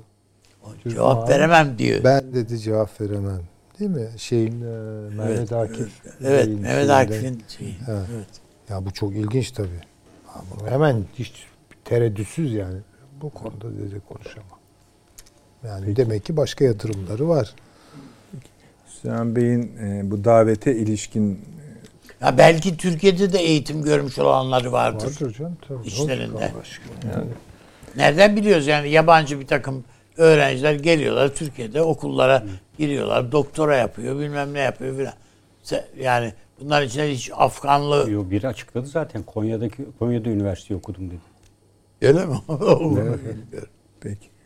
Süleyman Hoca dedi ya hani bu gönül alma davetidir. Ona onun için Ben ne öyle diyorsunuz? Avni? görüyorum canım yani. Siz ne diyorsunuz Avni Bey? Valla ben e, bu ENKS diye bunlar hani harfler birleşimi çok fazla harf var burada. Kürt e, e, ulusal bilmem ne konseyi filan gibi bir şey var filan.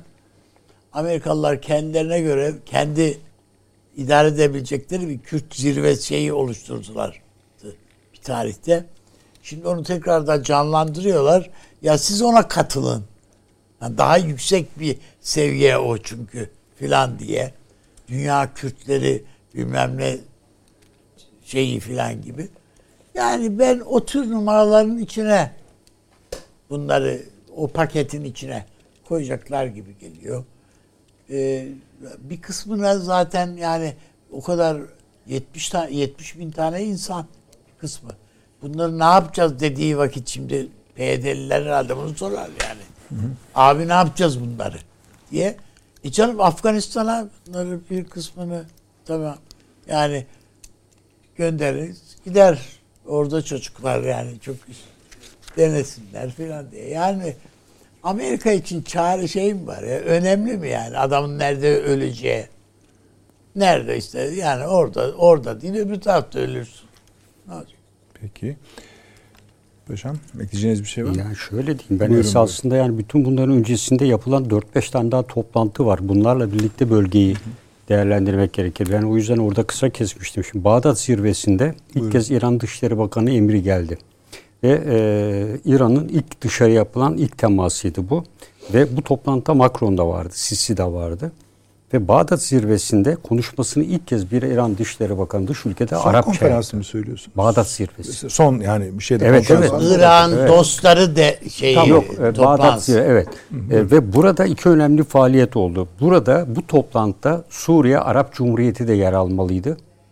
E, ve bundan sonraki davetlerde özellikle bunu istiyoruz. Suriye'de burada yer almalı. Hemen akabinde nereye gitti?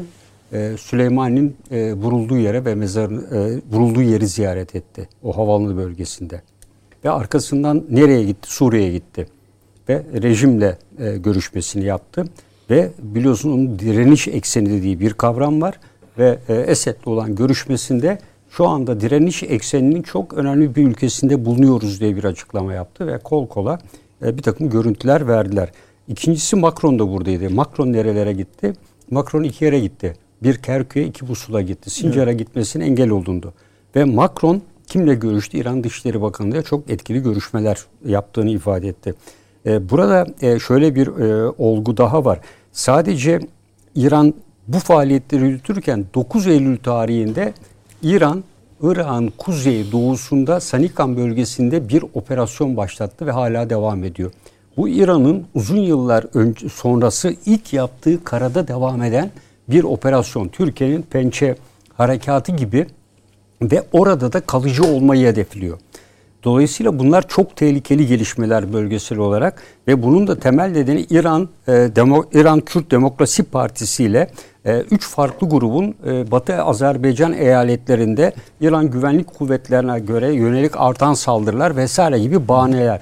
Esasında tam tersine Türkiye'ye karşı burada bir üstünlük kurmak, Erbil hükümeti üzerine baskıda bulunmak. Bakın reisinin ilk ziyaret ettiği yer neresidir biliyor musun? Seçimden önce Erbil'dir. Seçimlere bir hafta kala Erbil'i ziyaret etmiştir. Ve arkasından bu operasyon seçildikten sonra 9 Eylül tarihinde başlamıştır. Dolayısıyla İran e, şu anda Sonra e, o yeni Dışişleri Bakanı da bir açıklama yaptı. Bu bazı huzursuzluklarımız var. Gerekir bazı yerleri vurabiliriz vesaire gibilerinden. Tabii tabii yani bunun e, ötesi de var. Yani e, bir de e, İran bütün bunları yaparken e, kuzeyde de bir toplantı var. E, Kolektif Güvenlik Örgütü ile Şangay İşbirliği örgüt toplantıya çağrıldı. E, bunlar e, Afganistan kuzeyinde ve bölgesel Orta Asya konusunda çok önemli iki gelişme. Bu ikisi neden sonra yapıldı? Rusya-İsrail görüşmesi ve diğeri de Çin'in bu bölgeye yaptığı Orta Doğu ziyaretinden sonra. Bütün bunlara paralel olarak bir gelişme daha var. Ee, Amerika sadece Suriye ve Irak'tan çekilmiyor. Amerika Körfez'den çekiliyor. Evet. E, Ve dolayısıyla şu anda Körfez'de Mısır'ın yaptığı bu ziyaretler, e, Birleşik Arap Emirlikleri'nin kendisine bir partner arayışı, Türkiye ziyareti, Suudi Arabistan'ın Pakistan ve İran'dan nasıl korunacağım endişesi, İsrail-Rusya ilişkisi, Amerika'nın bu bölgeyi boşalttıktan sonra yeni güç dengesi ne olacak? Dolayısıyla İşte bölge Süleyman Hocam bu üst üste çekilme haberleri ya da muştu da sayabilirsiniz. Bunu e, acaba işte Suriye'deki bu şey e, PKK-YPG'nin daveti sadece gönül alma mı diye bizi şüpheye düşürüyor ama Yani, e, hani bence tamamen o. Ee, yok tabii gene bir şeyler konuşulur ama yani çok daha derin ya da temenni etmeyelim ya her şey yani temenniye yaslamayalım her Tabii. şeyi. Ya bir de bazı şeyler bu kadar önemliyse hani her zaman bu kadar aleni anlatılmaz yani bence. Şimdi çok önemli şeyler söyledi paşam. Yani aslında orada galiba zaten ittifak ediyoruz. Bu Irak'taki Kürt meselesi, orada PKK, Kuzey Irak hiç fark etmez. Goran'ı, Soran'ı neyse yani. Bütün unsurlarıyla İran domine etmek istiyor. Şimdi Avrupa Kulübü'nün ben artık birlik demiyorum da onlara kulüp demeyi tercih ediyorum. Ee, Fransa şu an eli rahat yani daha ön alabiliyor. Almanya'da biraz belirsiz şeyler var. Ee, Asya'yı ki- açılımını yapabilmesi için Asya açılımını Erbil'den başlatmak istiyor. Bunun için de İran'la iş tutuyor. Yani Anglo-Amerikan bloğun Afganistan, Pakistan, e, Türkiye, Azerbaycan filan üzerinden geliştirdiği bir network'e karşı onu delmek için yani ama kendisi şeyin hamiliğini bizzat tabii ki almayacak. İran. Yani bu matruşka bebekler gibi. Yani PYD e, Irak'ta bilmiyorum paşam doğru mu anladım evet, size yani onun içine girdiği kılıf e, İran olur da onun da içine girdiği kılıf Avrupa Kulübü olur. Şimdi mesela burada İsrail buna itiraz edecektir. Bir de böyle bir şey var yani Avrupa Birliği ile ve Avrupa Kulübü ile İsrail arasındaki ilişkileri de bu bence önemli ölçüde belirleyecektir. Ee, ama gördüğümüz o Çin'e yakınlaşmak için artık ta Çin'e gitmeye gerek yok. Çin'in geldiği yerler var Avrupa'ya yakınlaştı mı Çin? Yakınlaştı. Avrupa'nın içinde zaten. Ha. Nerede en uç karakolu? İran. Oradan girecekler. Bu Avrupa Kulübü'nün adı. Yoksa tek başına Fransa orayı kotaramaz. Ona kapasitesi yetmez. Almanya bile yapamaz bunu. Ama eğer Almanya ile Fransa ve İran güçlerini birleştirirse işte o o bir mesele olur. Yakın buluyor musunuz? Ya buna oynuyorlar şu an. Hı hı. Yani paşanın söyledikleri değil mi? Paşam söylediğiniz aşağı yukarı bu. Yani şöyle e, yani burada Fransa Macron'un özellikle nükleer anlaşma konusunda Trump'ın bastırdığı dönemde e, kısmen Almanya ile birlikte hep İran'ın yanında yer almıştı. Yer yani dolayısıyla e, Macron İran'ın e, politikalarını hala da destekliyor. Ve dolayısıyla bu bölgede işte Fransa elbette tek başına gerçekten e, başarılı olamaz burada. Dolayısıyla bu e, bölgede etkili olabilecek en uygun e, unsur kendisi için İran'dır. Ha burada İsrail faktörü var tabi. Yani İsrail tabii, faktörü tabii. Fransa'da İsrail lobisinin etkinliği vesaire dikkate aldığımızda işte İsrail'in bunları da görerek zaten İsrail'in e, Moskova'ya yaptığı ziyarette bir açıklama yapılıyor. Diyor ki arkadaşlar ben diyor iki şey istiyorum. Bir İran'ı durdurun. İran'a karşı tedbir alın. İki e, eğer e, Amerika çekilirse bu güç boşluğunu kim dolduracak? Bu güç boşluğunu kim doldurursa doldursun ben Kuzey cephesi dediğim Lübnan, Suriye ve Irak'ta hava saldırılarına bana tehdit oluştuğum müddetçe istisnası devam ederim. Bunun için zaten biz İsrail ile Rusya arasında askeri koordinasyon merkezini bunun için kurmadık mı dedi. Ve Lavrov da cevaben İsrail'e yönelik tehditlere karşı İsrail'in meşru güvenliğini koruma hakkıdır dedi. Tamam. Yani burada mutabakat sağlamış oldular dolayısıyla. Yani e, bu e, şu anda e, yeni oluşumlar içerisinde bölge ve Orta Doğu Amerika sonrası bir yapılanmaya doğru, doğru. hazırlık yapıyor. Doğru. Bölge. Bunlar e, İdlib gördüğümü de bu sancıların en somut noktalarından biri esasında. Yani çünkü sahada canlı yaşandığı için e, bu duruyor. Ama İran'ın yaptığı bu e, harekatı e, asla göz ardı etmemek lazım. Ve e, Irak Erbil hükümetinin e, Türkiye sağladığı aynı kolaylık ve desteği kendisine de sağlanmasını talep etti. Ve merkezi hükümetten de aynı talepte bulundu. Türkiye'ye ne destek sağlıyorsunuz bana da aynı desteği ve kolaylığı sağlayacaksınız dedi. Dolayısıyla Türkiye ile birlikte bir rol paylaşımına gitti. Bunu yaparken de İran'daki tabii Şii nüfusa e, güveniyor ve seçimlerin yakınlığına güveniyor. Bu da İran'ın e, önemli bir stratejisi olarak yani yeni hükümetin e, önemli bir stratejisi. Bir şey daha söyleyeyim. Hocama katılıyorum. E, İran'ı e, Türkiye, Afganistan, Pakistan veya Çin e, İran'ı bence Batı bir koz olarak kullanmaya çabalıyor. Bu harekatın icrasında Amerika'nın herhangi bir onay olmaksızın bu bölge İran'ın bu şekilde girmesi hem de güçlü bir şekilde girdi. E, mümkün değildi. E, burada e, Amerika Birleşik Devletleri, Avrupa Birliği özellikle Afganistan'dan gelen göçmenlere karşı Türkiye'nin ısrarla ben bunları Türkiye'de kabul etmeyeceğim veya Batı'ya göndermeyin derken bence İran'ı yeni e, Afganistan göçmenleri için e, bir kamp bölgesi olarak seçiyor olabilir. Bunun karşılığında yaptırımlar ve bir takım şeylerin de kalkıyor e, e, şeklinde bir takım tavizler de verilebilir diye düşünüyorum.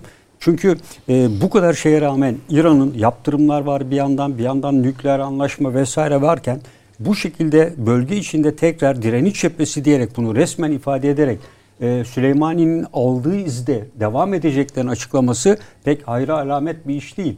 Yani e, bunu da çok dikkate almak lazım. İran yeniden mi güçlenerek bölgeye gidiyor ve önceliğini mi değiştirdi? Diyor ki direniş cephesi önceliğimizde hiçbir değişiklik yok diyor. Aynen bağlıyız diyor. İşte orada galiba şöyle bir fark e, çıkıyor paşam sizin tahlillerinizle e, bizim tahlillerimiz arasında.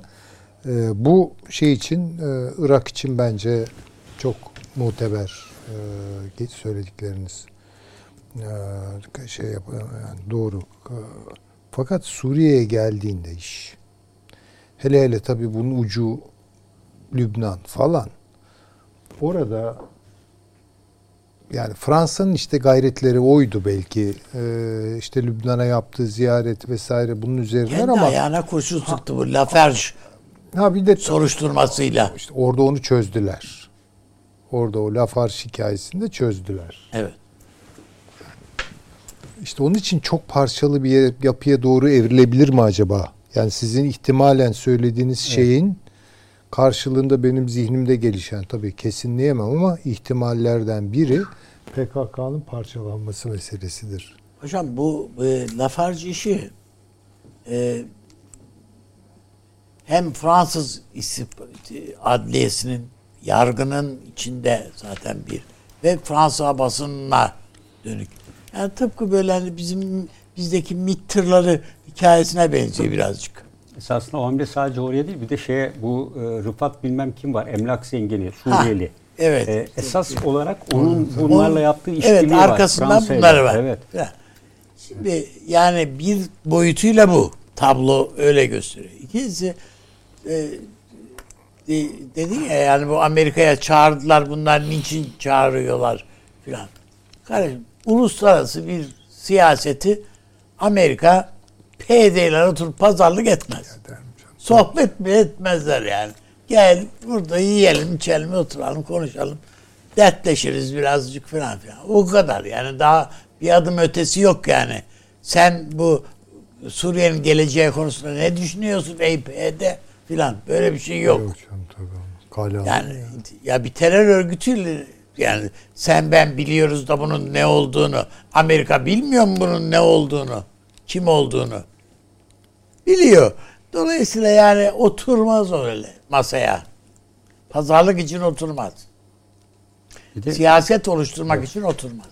e, bir de e, Arap Birliği'nin geçen gün yaptığı bir ciddi bir açıklama var. Uzun süreden sonra Türkiye-Mısır ilişkileri tam rayına oturmuşken bu Mısır'a rağmen mi, Mısır'ın onayıyla mı, Türkiye'yi baskı altına almak için mi e, Türkiye'nin Suriye'deki işgalci durumu konusunda bir Arap Birliği bir açıklama yaptı. Tabii. Yani zamanlaması da bu İdlib'deki saldırının hemen öncesinde olması son derece Türk anlamlı bunun. sert cevap verdiği Evet, değil mi? e, evet, evet. Yani bu e, Arap Birliği'nin de Mısır'la Türkiye ilişkilerinde Bravo. e, Çok evet, önemli yani, bir şey bu.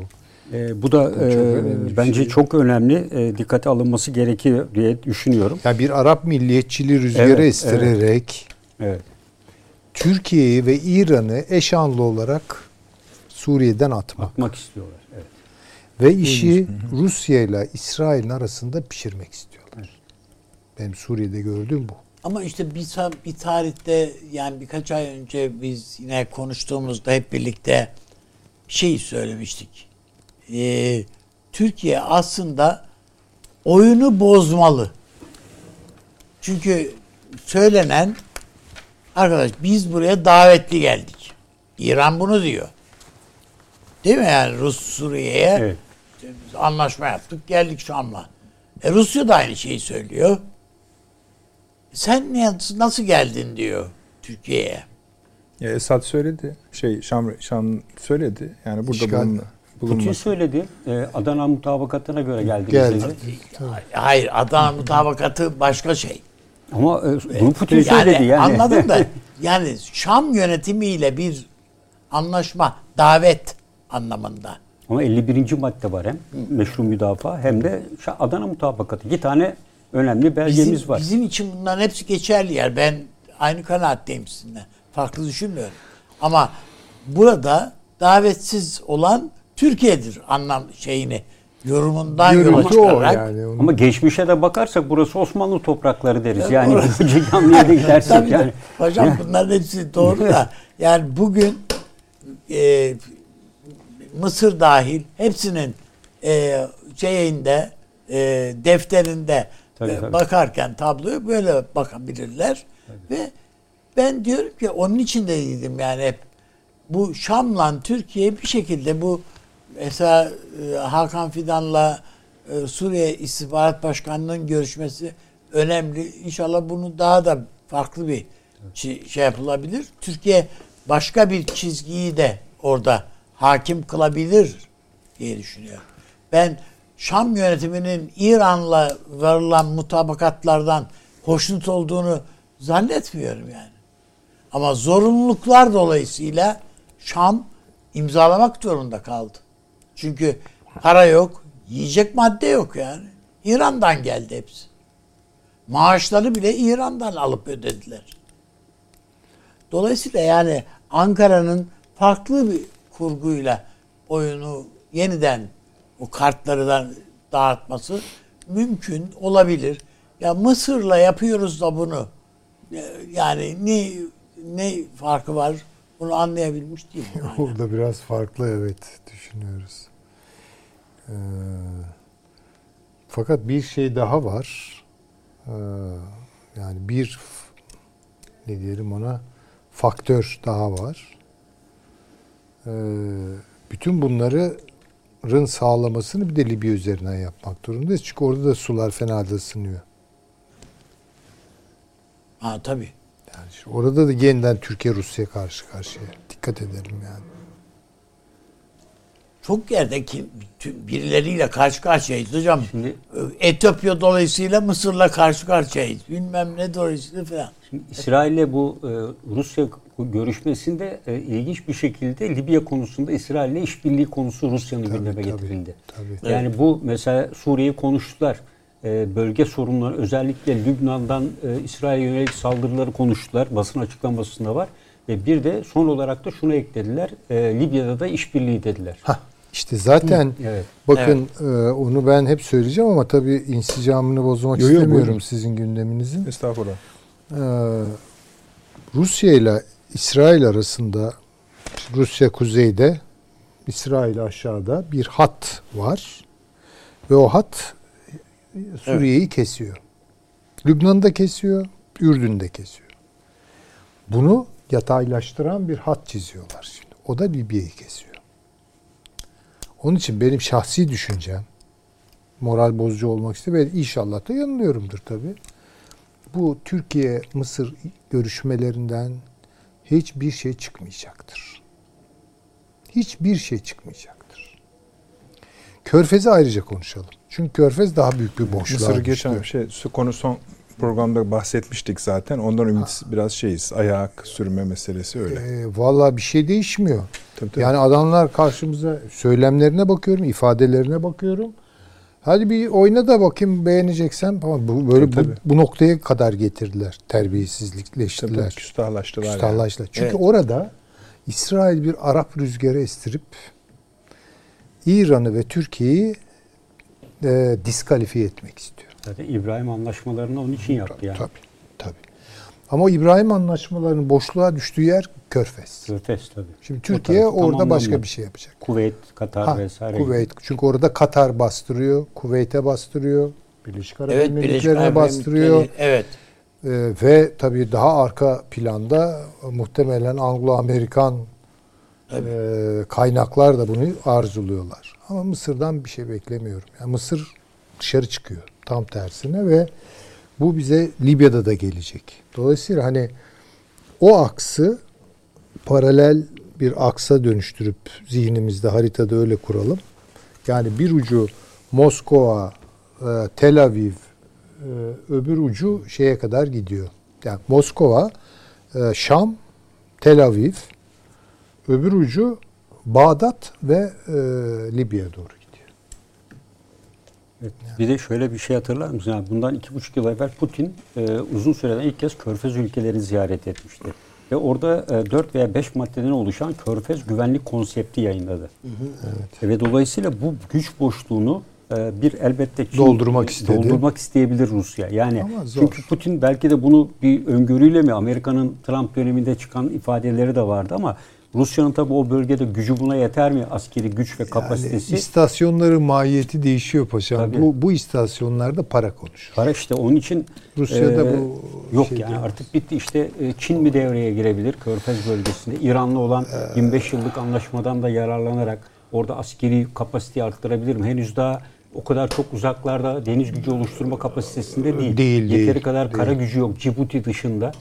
E, Cibuti dışında henüz daha Evet. bir kara üssü yok. Yok. Yani bu bölgelerde yeni yeni bir iki tane girişimi Ama var. Cibuti'de ne kadar kritik bir yer. Cibu- evet yani o Yani beş e, o- şey, dünyanın e, beş ümüğünü öne- sıkmak demek Esasında yani. bu Somali'ye falan niye gitti Türkiye diye soranların yani ben bu hakikaten bu a- çok- çok yani şey aklına şey ekmek doğramak gerek. İşte şu, oralarda ne işiniz var diyenler şimdi oralara gidiyorlar. Süleyman Hocam biraz önce bahsetti. Evet. Peki. Efendim şimdi üç kardeşe geleceğiz. Ondan sonra da tamamını vermeyeceğim ama bir Af özel bir Afganistan anketi var. Detaylarından size bahsedeceğim biraz sonra. İkisi de ilginç konular efendim. Şimdi hep diğer bu tatbikatlarda hep şöyle soruyoruz ya bu tatbikatlar kime karşı? Bu sefer kendimize de öyle yapalım. Bu üç kardeş kime karşı diye de konuşalım. Sonra da anketi de değerlendireceğiz genel hatlarıyla. Reklamımız var şimdi efendim. Son reklamımız önümüze açık. Hemen geliyoruz.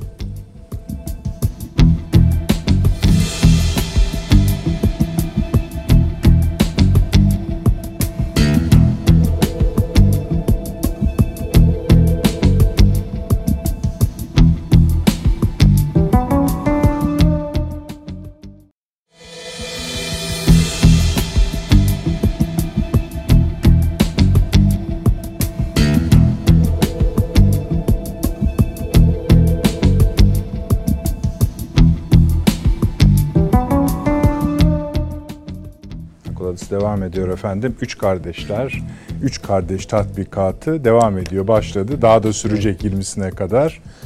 Ee, Türkiye, Azerbaycan, Pakistan. Esasen birçok ülke bir araya geldiğinde bizim ilgimizi çeker. Bazı tatbikatlara müstakilen yer ayırıyoruz biliyorsunuz. Ve hatta onlar kime karşı onu uzun uzun konuşuyoruz. Oradaki güçler ne demektir onları konuşuyoruz. Ama mesela bu üçlüde bir başka şey daha var. Tam bir üçgen çizmiş oluyorlar. Kon, e, coğrafi konumları itibariyle. Sadece bu üçgenin içinde kalan ülkeleri değil, hemen çeperindeki ülkeleri de gayet ilgilendiren bir konu bu. Muhtemelen siz o kadar da değil de diyebilirsiniz. Ama biz hani adil olalım. Şimdi şu görüntüyü işte arkadaşlar onu ekranı tam ekrana verebiliyorsanız o da olur. Bir yani bugün sosyal medyada da en çok paylaşılan görüntülerden birisiydi bu. Bizim hem kamu toplumumuzu çok heyecanlandıran aynı duyguların orada olduğunu da biliyoruz Azerbaycan'da da. E, şu anda ekranda işte efendim. Bununla ilgili daha çok görüntü de vereceğiz program sırasında. E, paşam şimdi bu tamam askeri tatbikat. Bu ülkelerin biz şunu da biliyoruz. Hatta belki bir kısmından bahis de etmemek lazımdır. Siz daha iyi bilirsiniz. İşte Pakistan'ın Türkiye'de, Azerbaycan'ın Türkiye'de bizim askerlerimiz orada geçirdikleri eğitimler var. Evet. Hatta galiba bir kardeş Tugay gibi organizasyonlar var. Bunların yetiştirilmesi falan tamam. Şimdi bu üç ülkenin zaten yakınlaşmasından özellikle rahatsız olan ülkeler, gruplar var. Bir, bir zamanlama mı var?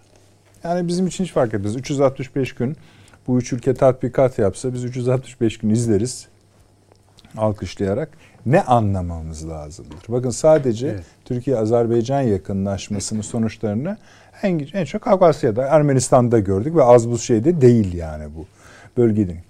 Nedir bu tatbikat? Şimdi bu tatbikatın e, esasında hem e, Çin'e hem Amerika'ya ve Rusya'ya e, tabii doğal olarak da İran'a karşı yani dört önemli ülkeye yönelik mesajları olduğunu düşünüyorum. E, bunların e, öncesinde e, Pakistan evet Çin ilişkileri iyi. E, Çin'in e, Pakistan'daki o orta hat koridora yaptığı yatırımlar e, son derece fazla. Ama e, Çin e, ilişkileri de e, İran-Pakistan e, ilişkileri arasında da bir dengeyi de bozacak pozisyona da ulaşabilir. O yüzden e, Pakistan Çin'le olan ikili işbirliğine bir yandan evet devam diyor ama diğer taraftan da daha itidalli e, bir şekilde ya- yaklaştığını düşünüyorum. İnisiyatif alıyor. İnisiyatif alıyor. Evet. Ee, burada Rusya'ya özellikle Çin'e verilen mesaj e, tek yol tek kuşağın geçtiği gerek Orta Hazar üzerinden giderek Orta Koridor, e, Kuzey Koridor veya İran üzerinden e, geçmesi konusunda özellikle İran'ın yoğun bir baskısı olduğunu biliyoruz. Yani İran e, bu Türkiye'den geçen orta koridor yerine Hazar geçişli İran üzerinden de bir hat geçmesini istiyor. Yani üçünü birlikte kullanalım diyor. Ancak e, bu orta koridorun önemini ciddi bir şekilde azaltacak.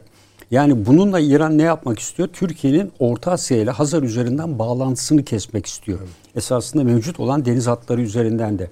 E, dolayısıyla Türkiye, Azerbaycan ve Pakistan hattı olarak baktığımızda burada Afganistan arada her ne kadar Afganistan, Hazar Denizi ve diğer ülkeler olsa da e, Afganistan üzerinde Pakistan'ın etkisini de dikkate aldığımızda, Taliban üzerinde etkisini dikkate aldığımızda dolayısıyla bu işbirliğine bir yerde e, Afganistan da dahil olmuş oluyor. Hı hı. Yani Afganistan'ı e, bu yapının içinde şimdi biz resmi olarak henüz daha hükümet tanınmamış, e, nereye gittiği pek e, belli olmamakla birlikte Taliban'ın ileride eğer uluslararası ilişkiler açısından veya ulus devlet veya benzeri bir yapılanma açısından Birleşmiş Milletler kriterlerine ve diğer devletler tarafından tanınmada bunda menfaatler söz konusu tanındığı anda ben bu işbirliğinin içine e, Afganistan'da dahil edileceğini yani düşünüyorum. dört kardeş diye yani mi dört bakıyorsunuz? Gözle bakıyorum.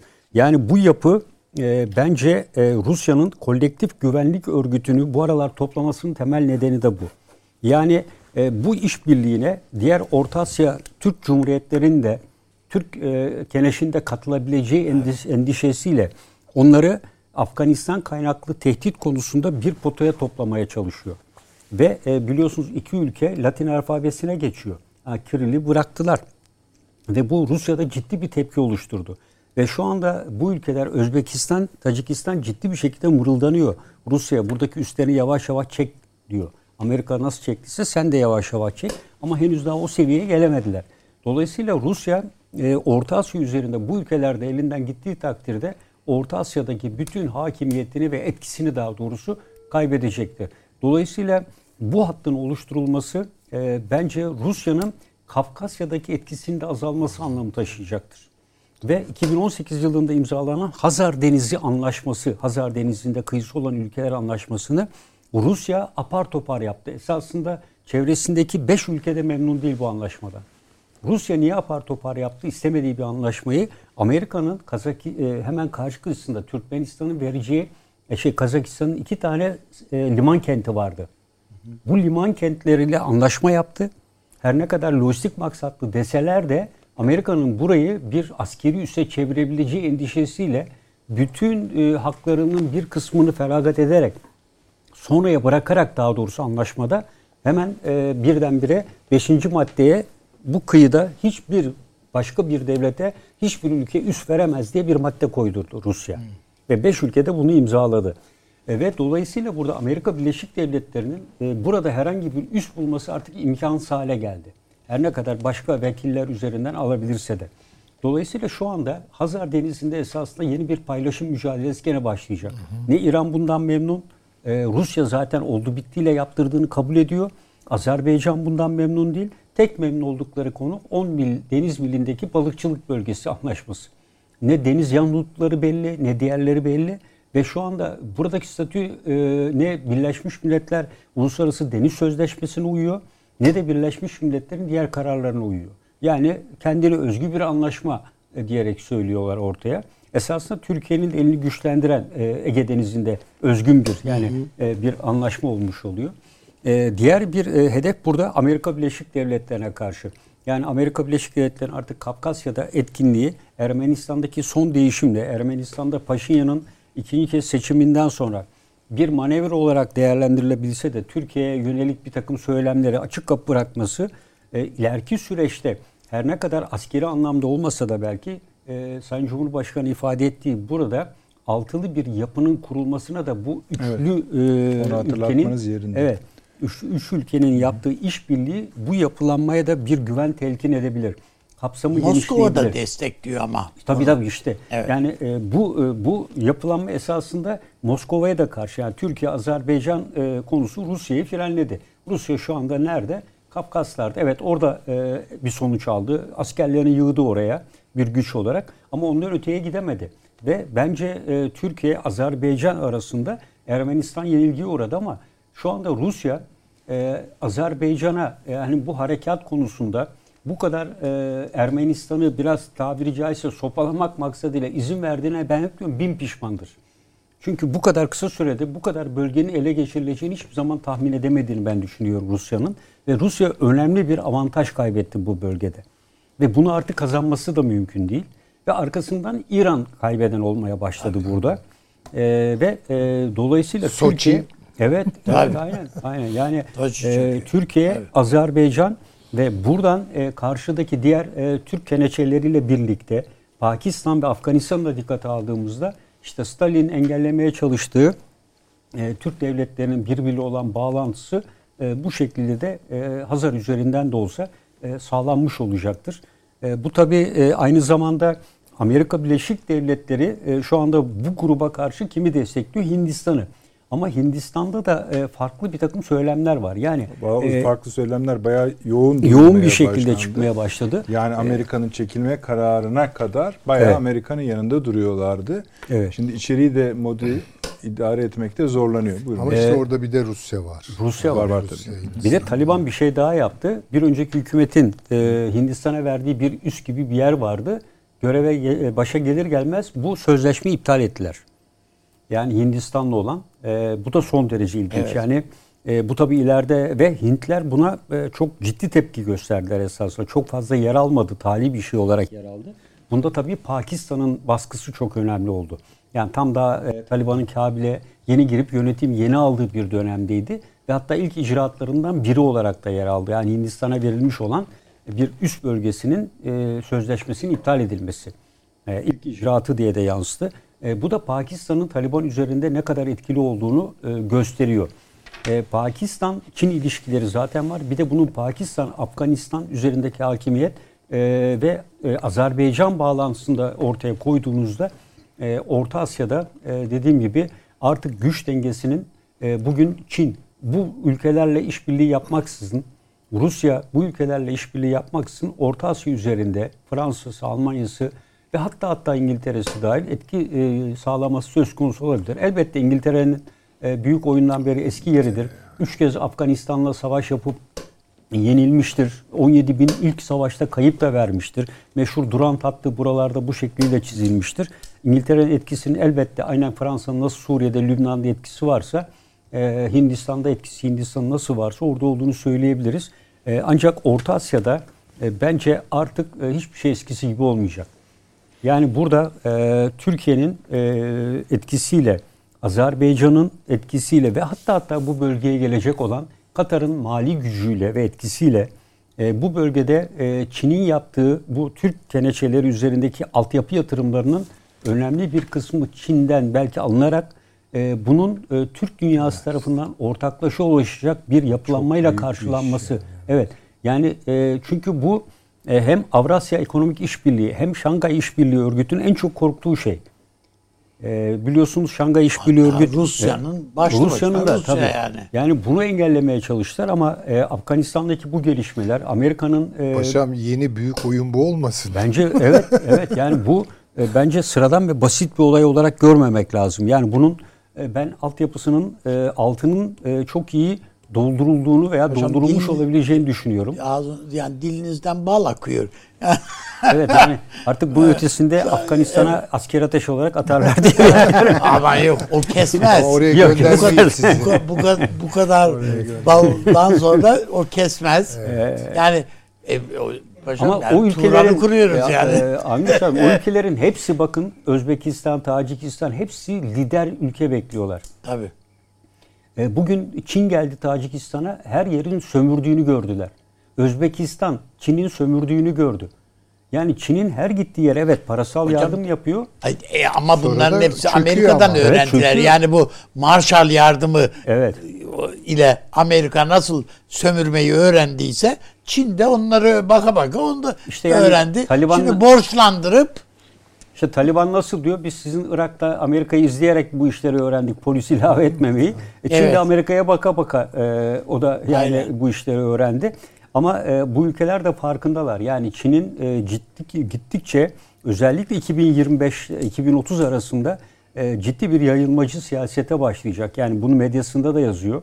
Benim hatta iki gün sonra da e, 50 tane e, öğrenciye e, Çin'in ekonomik gücü nerede duraklayacak dedi bir konferansım olacak. Yani bu e, Türkiye'de de bir e, seminer düzenlenecek bu konuda. Yani Çin'in e, şu anda bu batıya doğru ilerleyişi bu hatlarda bir yerde engellenemezse e, Çin sadece bunda kalmayacak. Yani sınırla ve batıya ekonomik anlamda giderek kalmayacak. E, ve Çin'i burada Amerika Birleşik Devletleri de e, hocamın söylediğine yüzde yüz katılıyorum.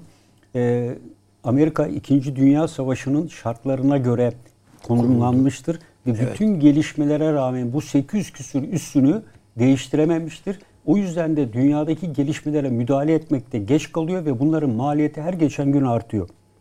Korkunç bir para ve 800'den fazla askeri üsse yönetebilmek, lojistik desteği, asker desteği yani bu e, çok büyük bir masraf. Yani Rusya bunu yapabilir mi? Rusya'nın da 26'ya yakın üssü var dünya üzerinde. Ama ağırlıkla bunlar Afrika'da ve e, Orta Doğu işte e, bölgesinde kalıyor. Daha fazla e, açılmıyor.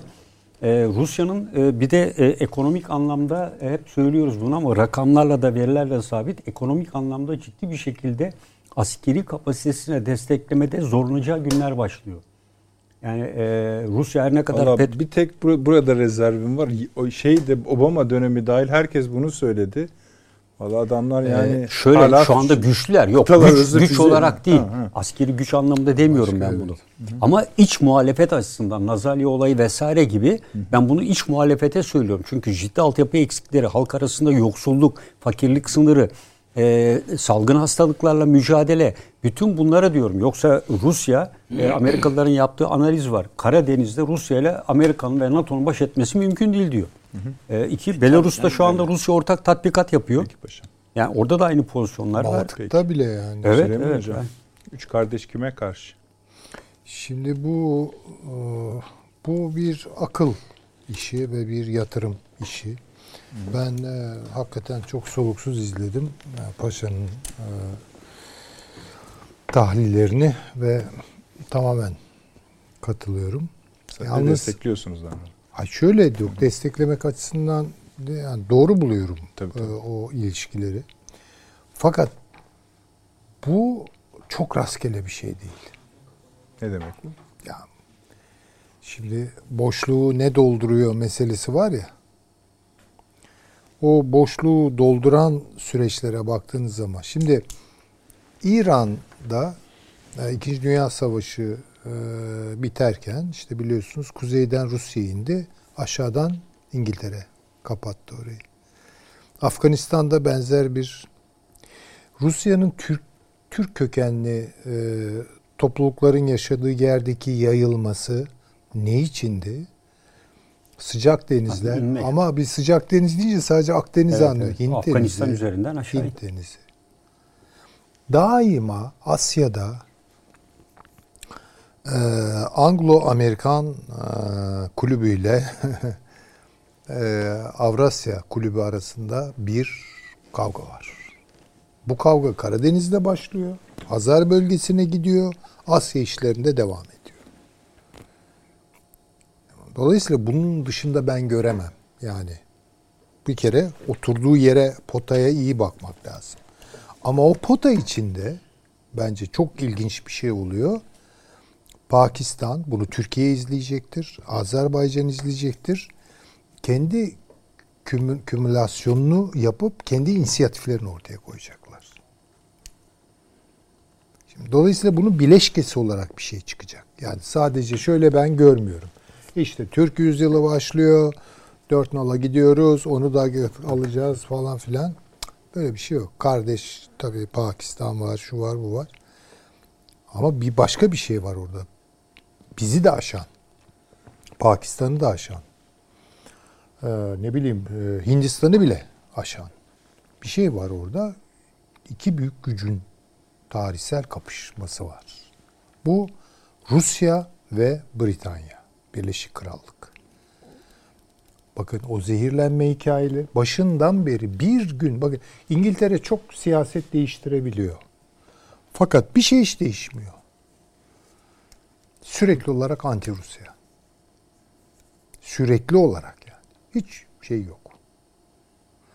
Dolayısıyla bu işin Asya Siz faslında ya, iki ülke iki güç arasındaki dediniz ya orada eminim seyircilerimiz de hatta ben de Yani Çin ABD çıkacak ağzınızdan zannettim. Hayır hayır Tabii, tabii hayır. canım biliyorum. Tabii. Rusya tabii. İngilizce. Ama şöyle bir şey oluyor. Rusya Ama şimdi İngiltere- tabii şöyle koydum çok özür dilerim yani Anglo-Amerikan bir pattern var. Tamam Yani o paternde Onun bir şey şimdi- dediğimiz yok ama hatta sizin biraz Çin ABD gerilimini bunun tez, sonuçlarından birine Tabii dönüştürüyor. tabii şöyle olacak zaten. Ya Çin'i kontrol edecekler. Çünkü oraya yatırım yaptılar. Şimdi problem şurada kay şuradan kaynaklanıyor. Son parti kongresinde Çin açık açık dünyaya ilan etti. Kardeşim bu birikimi buraya bana yatırdınız. Ben buna emeğimi koydum, her şeyimi koydum. Şimdi ben bunu Çin için kullanacağım diyor. Bunu dediği an nerede diyor bunu? Hong Kong'da diyor. Hem de Mao kıyafetiyle, Mao'nun kıyafetini giyerek. Giyerek söylüyor bunu. Yani ben bu birikimi Çin'in milli yararına daha basit ifade edeyim. Akıtacağım.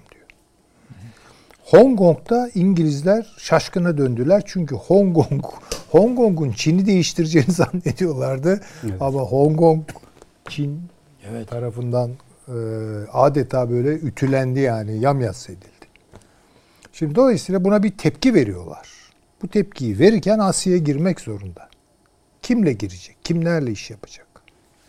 Ta bu Akdeniz'den başlayan, Hazar'a ulaşan ve oradan Asya'nın içlerine doğru giden bir yatay, ufki bir çizgi ve ancak bunu işte o beceremeyen paşam da katıldı ona da çok memnun oldum. Yani soğuk savaş şartlarına göre örgütlenmiş bir Amerikan aklından çok kolonyal bir geçmişi olan, kolonyalist bir geçmişi olan İngiltere şey yapabilir. Evet.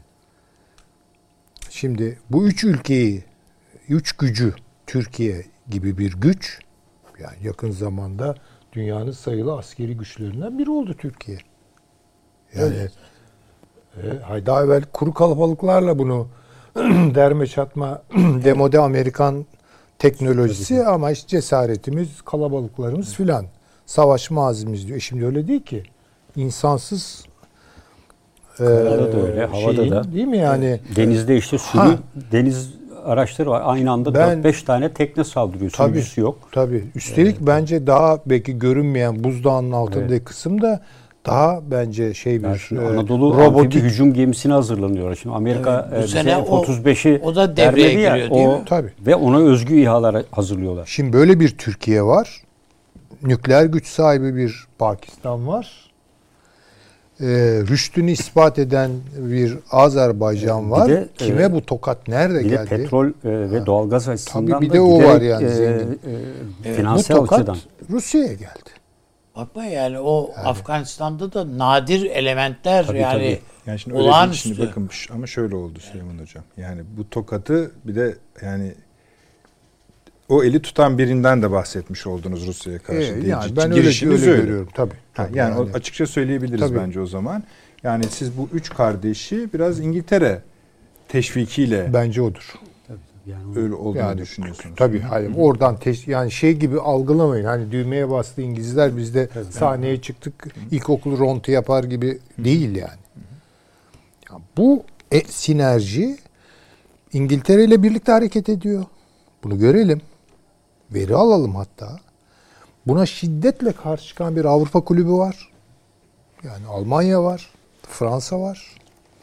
Buna böyle uzaktan hadi bakalım yani top sende şimdilik ben bir şey diyemiyorum diyen bir Amerika var. Amerika geri çekiliyor bu anlamda.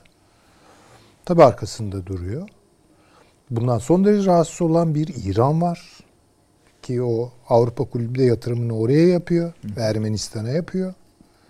Şimdi şöyle bir durum ortaya çıkıyor. Yani İran, Ermenistan ve Rusya henüz kardeş olmadılar ama olabilirler burada. Dışarıdan Hindistan giriyor. Hindistan kimle burada dans ediyor? Avrupa Kulübü ile dans ediyor. Yunanistan'la ortak öyle mi Ama hocam? Ermenistan Türkiye her karşı- an kopabilir hocam. Hindistan Türkiye Şimdi karşı tabii. Ki- Ha, O dediği çok doğru. Her an kopabilir. Eğer Ermenistan oradan koparsa bir de bence punduna getirmeyi bekliyor e, kötü bir taş. Süleyman Hocam ben buraya bunu böyle yıldızlı bir şekilde not ediyorum. Bunu perşembe devam edelim. Edelim. Bu bir şey de bir onu konu. söyleyeyim ama Tabii, tabii, e, ne olur. bir halka daha buna eklenebilir Gürcistan. Çok acayip bir şey olur o zaman. Yani Tamam. o da bekliyor bence. Hocam. Yani bunu muhakkak Evet, konuşmak gerekiyor çünkü hani hayra da gidecek yol yani şerre de gidebilir. gidebilir. Yani, yani onun için şimdi kiminle dans geçin. ettiğimizi evet. bilelim diye söylüyorum. Anladım. Yoksa ha yani ama emin olun bu söylediğinize şerh koyan çok yorum çıkacaktır. E, Çıksın önemli değil. Yani. Ee, Şimdi hani, Hatta e, şu hocam, anda bile vaziyet evet, alıyor. Alman, e, e, Almanya'dan e, Alman Silahlı Kuvvetleri ile ilgili bir hocam mail atmıştı. Alman Silahlı Kuvvetleri'nin drone'u bile yok diyor şu anda. Yani dolayısıyla istihbaratı çok güçlü. Alman e, şeyin e, do, ha, biz verebiliriz zaten. Yani Verelim satabiliriz. Geçen hafta söyledik ya. Yani hukukumuz var. Almanya'nın şey durumu son derece vahim. Ordusu da aynı durumda. Ama Amerika'nın tabii e, gene de yine ekonomik etkisi ve e, gücü var onunla durabilir. O yüzden de o da bir çare arıyorlar şu an. Peki. Silahlı kuvvetler kurmak gibi. Biraz zamanım daraldı. Tamam. Ee, Avni abi bu konuda kısa bir şeyler söylemek istersen alayım. Ya, Çok şu şöyle, anketi ben, vermek yani istiyorum demin çünkü. Söyledim. Yani bu bu, şey bu halkaya yani onu çünkü bu oyun farklı artık boyutlara da var, varabilir. Hiç tahmin etmediğimiz sürpriz bir takım girişler, çıkışlar o da mümkündür. Ama burada kaybeden nin çok ciddi bir kayba uğrayanın İran olduğu gayet açık görünüyor bu bölgede. Hem de yani o e, Süleymani'nin siyasetini devlet siyaseti haline getirmeleri yüzünden. Yani o ruhaninin filan daha ılımlı, yumuşak şeyi filan onlar bitti İran için. Ama onun ötesinde yenilmiş bir e, Ermenistan'ın Türkiye ile yaklaşmak için e, sarf ettiği çaba ve e, önümüzdeki dönem için bunun davet edebileceği bir takım şeyler, e, potansiyel veya imkanlar. E biz o koridor Ermenistan üzerinden o koridor Laçın koridoru falan açıldığında biz bir adım daha bu Hazar'a yaklaşmış oluyoruz falan. Yani bütün bunlar Türkiye'yi farklı e, yani Pakistan filan evet tamam bu duygusal olarak kardeşiz, şuyuz, buyuz filan ama Pakistan da biliyor ki Batı kontağını kurabileceği tek ülke Türkiye. Tabii Türkiye'dir. Peki. Evet. Çok teşekkür ediyorum. Şimdi efendim zamanımızda fena kullanmadık, eksiklerimiz kaldı ama tabii siz yani o konuya devam etmek zorundayız. Çünkü onun bir açılımı birden çok kapı açacak gibi ona Perşembe'ye söz vermiş olalım e, okullarımıza. Şimdi efendim elimizde bir anket var. Bu anket Türkiye'de yapılmadı. Afganistan'da yapıldı. Sadece bu haliyle dahi ilgi çekmeyi hak ediyor. Ama tabii kurallar gereği ilk önce bu künyenin, bu anketin künyesini bir söyleyeyim. Arada Survey tarafından yapılmış bir anket bu Afganistan'da. 2 ve 7 Eylül tarihler arasında 1113 kişiye 34 vilayette sorulan yani 34 vilayetten 1113 kişiye sorulmuş bir takım e, sorulara alınan yanıtlar var. Arkadaşlar ben size söyleyeyim öyle verin. Mesela 10 numaralı ben işlerinden seçtim efendim. Bu daha geniş bir çalışma, daha geniş bir anket.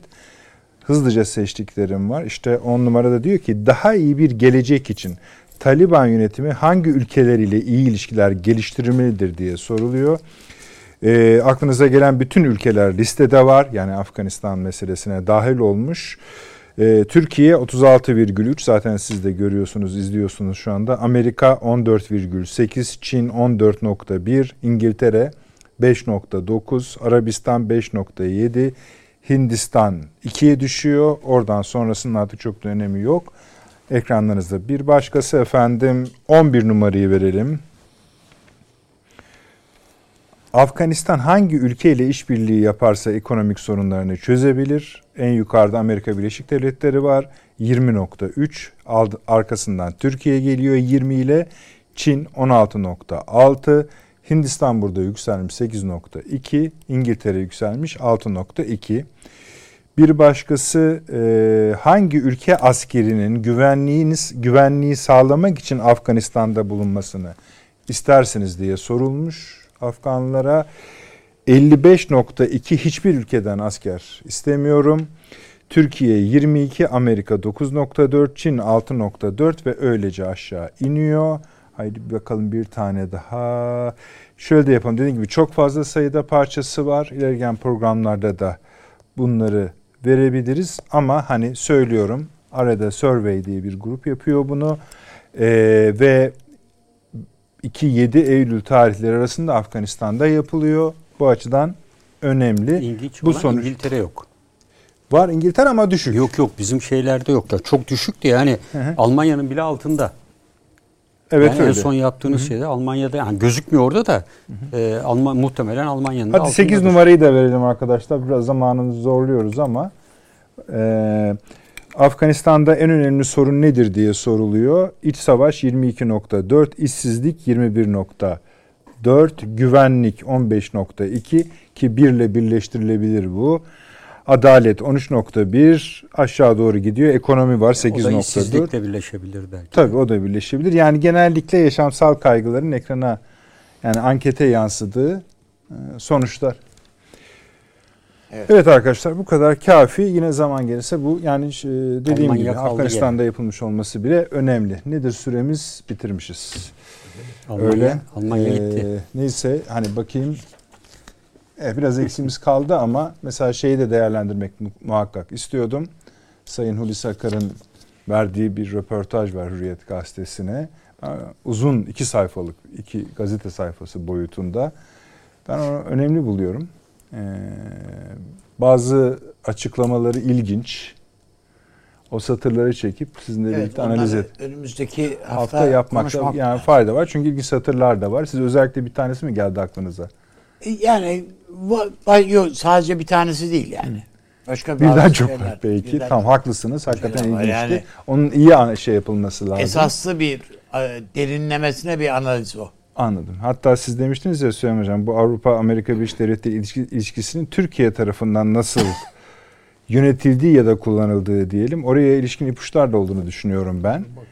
Ee, çünkü Hürriyet Gazetesi onu sunarken, o röportajı sunarken genel yayın Sayın Ahmet Hakan'ın köşe yazısında dedi ki herhalde dedi bu söyleşi en çok NATO ve Avrupa müttefikleri dinleyecektir. Yani sanki o sö- sözler oraya yaymış gibi. Ona da bakarız Ama, efendim e, inşallah. Son bir cümle tabii, tabii, söyleyeyim buyurun. de şöyle yani bunu geçen hafta Almanya'da bu seçimlerle ilgili konuşmada bu yeşillerin içinde bulunan e, kendisine Türk değil Cem Özdemir'in yaptığı bir konuşma var. Yani Almanya'nın en çok izlenen kanalında. E, işte e, seyirciler cep telefonuyla e, programla ilgili bir takım mesajlar yolluyor. Diyor ki size sorular geliyor. Telefonunuza bakmıyor musunuz? Ben telefonumu akşamüstü gelirken Türk istihbaratının yazılım yüklediği endişesiyle telefonculara bıraktım. Onlar etüt ediyorlar gibi. E, Türkiye'yi ve, ve e, Türkiye'yi bu şekilde e, Oradaki küçük yazılımcılar düşüren da çok çözer. onu Evet çünkü. yani Evet, e, bu tür ifadelerde bulunuyor. E, bunun tabii Yeşillerle birlikte iktidara gelmesi ve bu adamın Maalesef yani şu anki söyleleri var. tablo Evet. hala aynı Onu çizgiyi gösteriyor. sürdürüyor. Evet. Hatta Ee, geçenlerde Armin Laschet'le birlikte işte Evet. bir açı, e, şeye katıldılar tartışma programına. Orada da diğer Evet. partiler biraz önde gitti yani. Onu gö- görüldü o. Evet. Yani, yani Merkel ya kurtaracak ya kurtarmayacak. Avni abi çok teşekkür ediyoruz. Sağ olasınız. Süleyman Hocam ağzınıza sağlık. Son bölüm biraz sıkıştırdık ama olsun yine zamanımız olacaktır. Paşam çok teşekkür ederim. Hayırlı akşamlar diliyorum. Efendim gece 01'de tekrarımız var biliyorsunuz. Yarın öğlen saatlerinde YouTube'dan oradan da çok izleniyor programımız eksik olmayın. Sosyal medya hemen şimdi bakıyoruz efendim iyi geceler diliyoruz. thank you